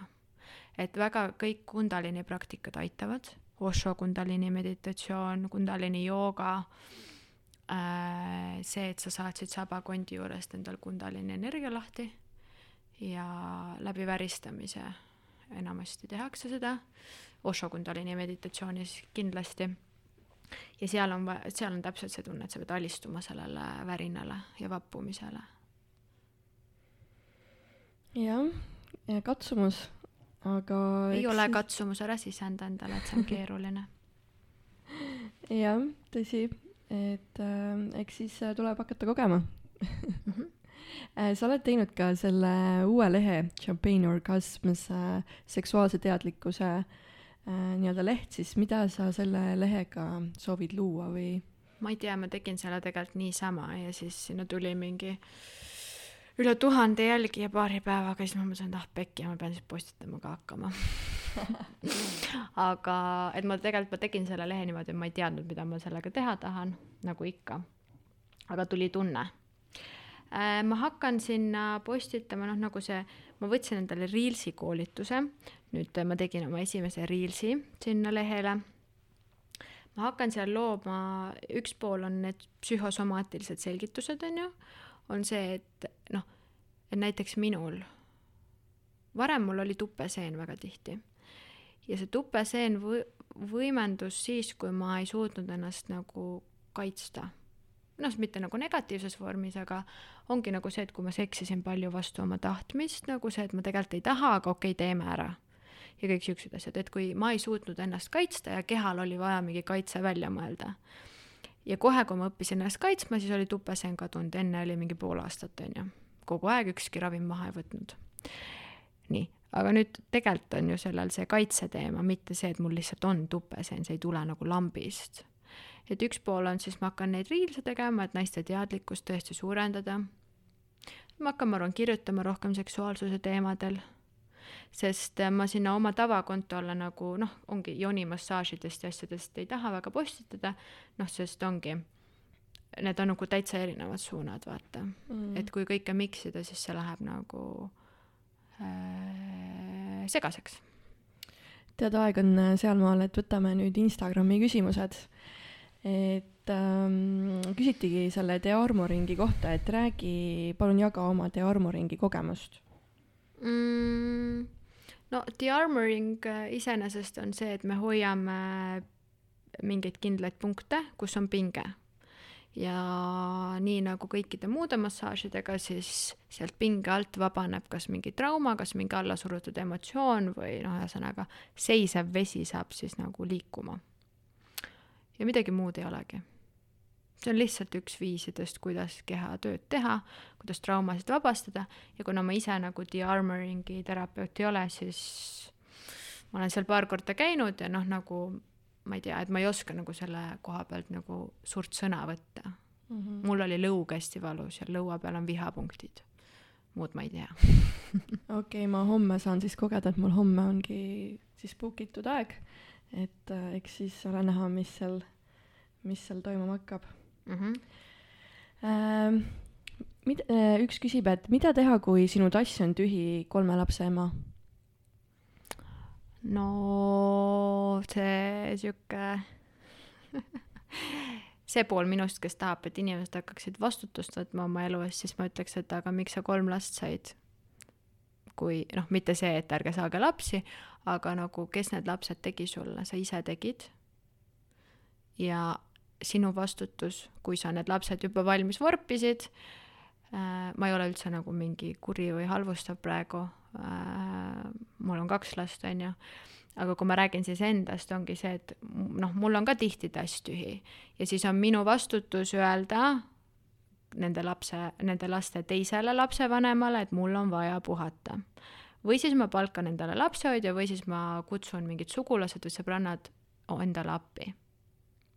ehk siis see ainult sina vastutad selle eest, et su tass oleks täis. mehed ei loe mõtteid, sõbrannad ei loe mõtteid ja me ei saa seda vastutust panna kellegi teise peale ära. jah, ma ütlen ka seda, et targad mehed ei lase oma laste emadel läbi põleda, vaid nad nagu tunnetavad ka oma partnerit ja kui partner ka küsib seda oma aega, siis nad ei punni nagu vastu, vaata noh, et me teeme seda koos ja see ei ole sinu huvides mehena, et su laste ema võib-olla ennast ära hakkaks tapma.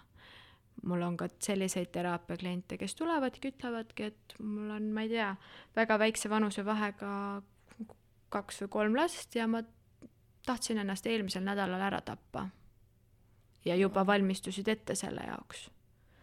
ja siis noh, me teeme selle töö ära, nad saavad nagu oma, tihti viib sinna emadel läbipõlemiseni viib see tunne, et ma ei ole piisav, on ju, ka lapsepõlve trauma uskumus peresüsteemist ja siis push itakse ennast nagu nii kaugele. et sinu asi on kommunikeerida, kust läheb sinu piir, kust sa enam edasi ei suuda. Ma tean, et see on nõme, äh, ma tean, et lihtsam oleks kiruda meest, et miks ta sind ei aita ja nagu, et, äh, et on ikka mõttetu mees sul, aga võib-olla ta ei teagi, et sul on abi vaja, sest kui sa tahad nii tugev olla ja sa ei lase mehel olla mees ja isal olla isa. et tihti emad on nagu, emad on just nagu selles mõttes ka kanaemad ja ma ise olen ka, et kui lapsed lähevad oma isaga, ma ei tea, eile mindi ujuma õhtul. mu esimene küsimus oli, kas liiga jahe juba nagu ei ole või? Noh, tegelikult on see, et lase tal otsustada, ta on ka võrdne lapsevanem, see ei ole minu asi. Laura, sina istu ja joo oma veini või tee oma asja, nagu sult võeti lapsed käest praegu ära ja sa saad puhata, ära tegele siis nende lastega samal ajal, kui sa saad omale nagu aega. et andke rohkem vastutust meestele, nad ei ole saamatud, nad ei ole kindlasti süüdimatud ja nad ei ole teie nagu kolmandad või neljandad lapsed. Vastutus, las nad olla isad, las nad otsustavad, las nad vastutavad.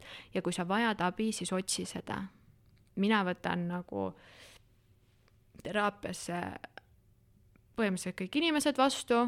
Küsimus on lihtsalt selles, et kui kiiresti, et äh, kui sa tunned, et see on nagu mingi pidev joon, et äh, noh, ei oskagi oma piire austada ja ei armastagi ennast piisavalt, et ennast kaitsta ja et ennast hoida, siis võiks nagu seda teemat vaadata. Ja siis läheb kergemaks. Aga see, et oh, mm, mm, mm, noh, see ei aita meid elus edasi, vaid kus on lahendus, mida me teha saame Äh, siit teine küsimus, et äh, mida teha, kui sa vajad vaba aega, aga seda enam laps nagu klammerdub sinu külge äh,? vaba aega klammerdub. noh, kui see laps on harjunud, et sa oled temaga kakskümmend neli seitse, siis ongi see, et võtadki viisteist minutit, võtad pool tundi, et see ei pea olema ju esimese pauguga see, et sa lähed nädalaks Ibizale suvel, on ju, ja jätad lapse kuhugi vanaema juurde aga noh, siin on jällegi see, kus on selle lapse teine vanem.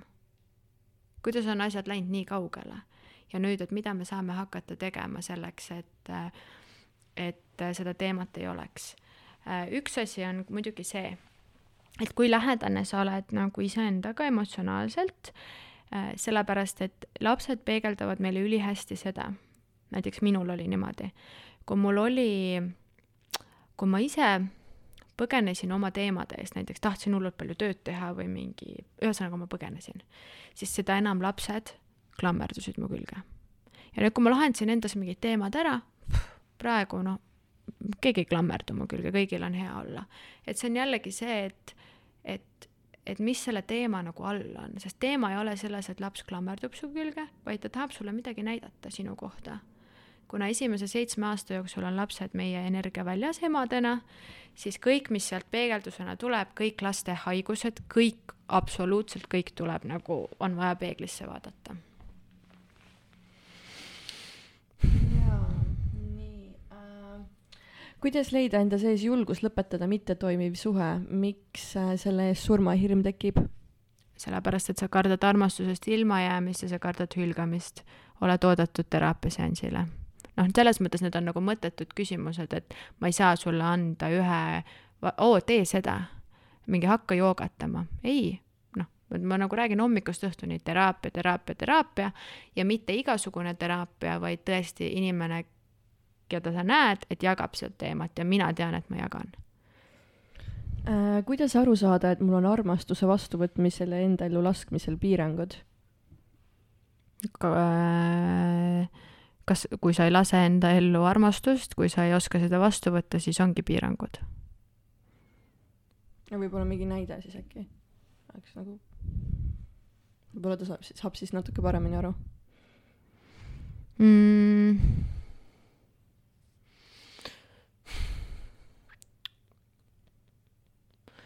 näidet on raske tuua, sellepärast et noh, ma, nagu ei tea asja sisu, vaata, et üldiselt on väga keeruline rääkida -hmm..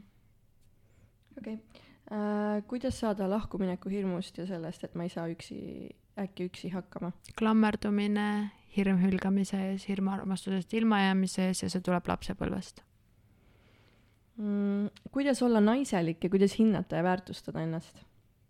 tule teraapiasse sa hindad ja väärtustad ennast iseenesest siis, kui sa oled selle armastuse äh, alateadvuses kätte saanud. siis ei ole küsimust, noh, mul ei ole täna küsimust, kuidas ennast armastada, sest see armastus lihtsalt on või seda armastust ei ole. ükski raamat ega kursus sulle seda ei anna. või mine kelle, see ei ole minu promo praegu, võite kuhugi mujale ka minna äh, milline rasestumisvastane vahend on kõige parem, ohutum naise kehale mm,? kondoom ja see on kõige tüütum ka naise kehale või noh, selles mõttes, et enamus inimestele see ei meeldi. me-, mehe, meestele ka vist ju väga no, ei meeldi, nad ei taha ka kanda. no minul on täna vaskspiraal, toimib, ei ole rasedaks jäänud äh,, parem kui hormonaalne, ma kunagi võtsin pille, muideks päris pikalt ja siis, kui ma, ma ei tea, ma vist kolisin, aga ühesõnaga ma ei jõudnud õigel päeval hakata uut pakki võtma, onju. ja siis ma jätsin kuuajase pausi ja ma olin selle kuu aja jooksul täiesti depressioonis. ma ei tahtnud seksida, ma olin, ma olin täiesti nagu sihuke poolzombistunud. ja siis selle kuu aja jooksul ma sain aru, mida need hormoonid mu kehaga tegelikult teinud olid ja äh, nahk läks, mul siiamaani on äh, näiteks selja peal akne nagu juba mitu aastat sellest peale pillide lõpetamist tuli. ja siis ma lõpetasin pillid ära. ja siis mina, noh, naise kehale kõige ohutum on kondoom, aga mina jäin rasedaks kondoomiga niisiis. mul on ka sõbrannal niimoodi juhtunud, nii et. aga vaskspiraal äh, või hõbe, hõbespiraal või mis iganes asjad need on, kuldspiraalid et hormonaalsed asjad, noh, igaühe sisetunde küsimus jälle. mõnel ei, mõni ei saa arugi, et nad mingeid hormoone sisse söövad, aga mõnda mõjutab väga palju mm,. mida teha, kui seksiisu on läinud ja kas see on siis nagu halb, kui meil ei ole seksiisu? tegelikult see ei ole halb äh,. mis asi on seksuaalenergia, see on eluenergia. Kundalini energia on elu, loomus, loovuse ja seksuaalenergia näiteks äh, kui raseduse ajal see kaob ära, siis ongi, su eluenergia läheb lihtsalt kuhugi mujale praegu. selleks, et me saaksime olla täiega naisenergias, et me saaksime nagu lõdvestuda, üldsegi hakata mõtlema selle peale, et tahaks seksida, selleks peab su elus ruumi olema. ja kui me toimetame ringi meestena päevad läbi, jookseme ringi, oleme mega stressis, mega pinges, mingi need lady bossid on ju, noh, siis ilmselt ei tulegi sealt väga suurt seksiisu, sellepärast et et sa ei ole selles nagu flow's ja, ja su eluenergia kulub kuhugi mujale. aga see ei ole, ma ei käsitleks seda nagu probleemi mm. ongi see, et kui sa tunned, et sa tahad nagu oma partneriga hakata lähedust suurendama, noh, mis on kõige suurem eelmäng naistele, on rääkimine. miks meil on alg-, suhte alguses on hästi suur tõmme mehe vastu, hästi palju tahame seksida, oled tähele pannud, siis äh, on sellepärast, et me räägime nendega nii palju. noh, alguses räägidki, vaata. ja sa tutvud, te olete ülihuvitatud teineteisest, äh, te suhtlete ja naiste jaoks on see, läheb noh, siia südamesse, on ju, ja siit sa aktiveerid jooni mm. -hmm. Ähm, ehk siis asi algab meil nagu peast justkui või kõrvadest. et me tunneme ühendust siis, kui me suhtleme. ja nüüd, kui tuleb see igapäevaelu ja võib-olla ka väga suured seksuaalsed nõudmised mehe poolt, siis sa ei tunne enam seda ühendust ja sa tõmbad ennast lukku. ja see ei ole asi, mis on nagu siis oi, et tee ennast korda või mine joni massaaži, et sa tahaksid hakata seksima, vaid see on siis lihtsalt see, et tuleb olla enda vastu hästi aus. miks ma selle mehega seksida ei taha? sest mina sain äh, oma ühes eelmises suhtes aru sellest, et noh, ma olin mingi põhimõtteliselt poolteist aastat ilma seksita suhtes olles mm. Ja ma hakkasin aru saama sellest, et asi ei ole selles mõttes minus. ma lihtsalt ei tahtnud selle mehega seksida. mul ei olnud mitte midagi viga, vaid lihtsalt ma ei tahtnud temaga seksida. ja kuna tema oli ainukene nagu mees, kellega see nii-öelda võimalus justkui oli, siis ma olingi ilma seksita. aga mul ei olnud midagi viga, ma ei olnud frigiidne selle pärast ärge pange endale neid pingeid ja standardeid, et me peame mehi rahuldama, muidu meid jäetakse maha ja muidu me oleme vanatüdrukud. Need on nagu nii mingid vana aja lood mm. -hmm, nõus ähm,. kuidas emotsionaalsest äh, söömisest lahti saada? teraapia emotsionaalse söömise psühhosümaatiline seletus on see, et sa pead olema tugev või alateadlik uskumus, ma pean olema tugev ehk siis ma pean ennast füüsiliselt suureks ja tugevaks sööma. ma pean oma valu tuimestama ja toit on samasugune närvisüsteemi tuimesti nagu alkohol või äh, sigaretid või mis iganes muud asjad või šroppamine. ehk siis töö iseendaga. kas Laura on ka tulemas Pärnusse? Mm,? mida tegema, ma tulen võib-olla Pärnu randa, aga võib-olla see ei ole nagu see, mida siin teada taheti. ilmselt jaa, nagu mingi vestlusõhtu või siis äh, tegelikult jaa ju vaata, suvi on tulemas, äkki teed no siin varsti tuleb ilmselt üks äh, nagu selles veebikeskkonnas tulevad uued projektid, mis on siis äh, mitte linnaga määratletud, aga sellist vestlusõhtut, no ongi, ma vaata eelmises saates ka ütlesin, et ma olen praegu terapeut ja see veits meelelahutust juurde teha on nagu fun mul endale ka, aga ma ei taha saada nagu mingit uuritavaks meelelahutajaks. Mm.. aga Osho aktiivmeditatsiooni äkki? Pärnus tehakse minu arust. Või vähemalt varem tehti. Mm.. aga et... tahetakse sinu juurde just tulla no siis tulgu Tallinnasse, selles mõttes jällegi, miks te panete minule vastutust, et te tahate minu juurde tulla? minu, noh põhimõtteliselt, et kui sa tahad minna arsti juurde, sul on äh, mingi nina, kurgu, kõrva arsti juurde vaja minna ja kõige parem arst selles valdkonnas on Tallinnas, siis sa sõidad Tallinnasse. ärge pange mulle seda vastutust, et te ootate mind Võrru või Tapale või Kundasse või kuhu iganes. minu vastuvõtud toimuvad Tallinnas ja Zoomis. kui see sulle nagu huvi pakub, küll sa leiad selle aja, et tulla. me ei ela nagu USA-s, või kuskil mingi megasuures riigis mm. ärge pange vastutust ära. samamoodi see ongi, et aa, et Laura pole ikka veel näiteks tulnud oma teraapiaseansse, kogu aeg küsitakse, millal sa tuled teraapiat tegema sinna või sinna linna. ja siis ma nagu alguses mõtlesin, et võiks ja siis ma nüüd mõtlen, et mis asja, ei, sinul on sinu vastutus, sa tuled ikkagi minu juurde, mitte ma ei käi klientide juures nii et tulge kõik Tallinnasse. tulge Tallinnasse, siin on väga tore tulge linna. ei no tegelikult on ka, mulle tegelikult äh, Tallinn äh, nagu väga meeldib äh,. lihtsalt üks päev avastasin, et lihtsalt nagu meri ja kesklinn lähedal ja kõik sihuke väga nagu mõnus mm. -hmm. Aga tead, ma jätangi, las need kaks teemat jäävad ja ma arvangi, et tõmbamegi siin otsad kokku, et äh, ma ei teagi, äh, mina igatahes väga tänan, minu arust olid nagu väga põnevad ja väga avavad ja väga sellist ähm, mm, kuidas ma ütlen, selliseid äh, endasse sisse vaatavaid äh, nagu teemasid oli tegelikult täna väga palju, et äh, kindlasti äh, isegi mina sain siit minna mõned äh,, mõned asjad nagu siuksed mõttelõngad, mida edasi teha ja vaadata mm -hmm. ja süüvida, et ma usun, et äh, paljud teised ka et äh, loodan, et sul äh, tuleb äh, vägev äh, sünnipäev täna ja kuidas siis äh, täna su päev edasi veereb? tuleb suur tähistamine äh,? mu ümber on tegelikult hästi vähe inimesi. nii et nende väheste inimestega siis täna õhtul me lähme veini jooma ja austrit sööma, mida ikka Laura Valk nagu reede õhtul teeb seda, mis talle meeldib mm. -hmm. ja ma tahan siis ka rõhutada seda, et kuna ma eelmine kord juba astusin sinna ämbrisse ja lõin käsi kokku ja rääkisin, et kui suhtes ma olen, noh, et siis äh, te kuulate seda episoodi millal? millal see välja toob, ühesõnaga täna on seitseteist juuni aasta kaks tuhat kakskümmend kaks ja palun ärge kirjutage mulle aasta pärast, et kuidas sa väitsid selle asja kohta seda või seda, sest aeg on siis edasi läinud. nii et see info, mida ma siin täna räägin, need on minu tänase päeva mõtted just, et äh, elu muutub kogu aeg ja elu on nii suures muutumises, et äh, nii minu elus kui need, nagu näete Laura elus siin muutuvaid asju, et et äh, kindlasti ei tasu nii äh, niimoodi nagu tulla rõhutama, onju. sa seal ütlesid seda. ütlesin muidugi, ma tean, kus ma, mul on väga selline detailne mälu, ma tean alati, kus ma mida olen rääkinud suht sõna-sõnalt. aga noh, elu läheb natuke edasi ka.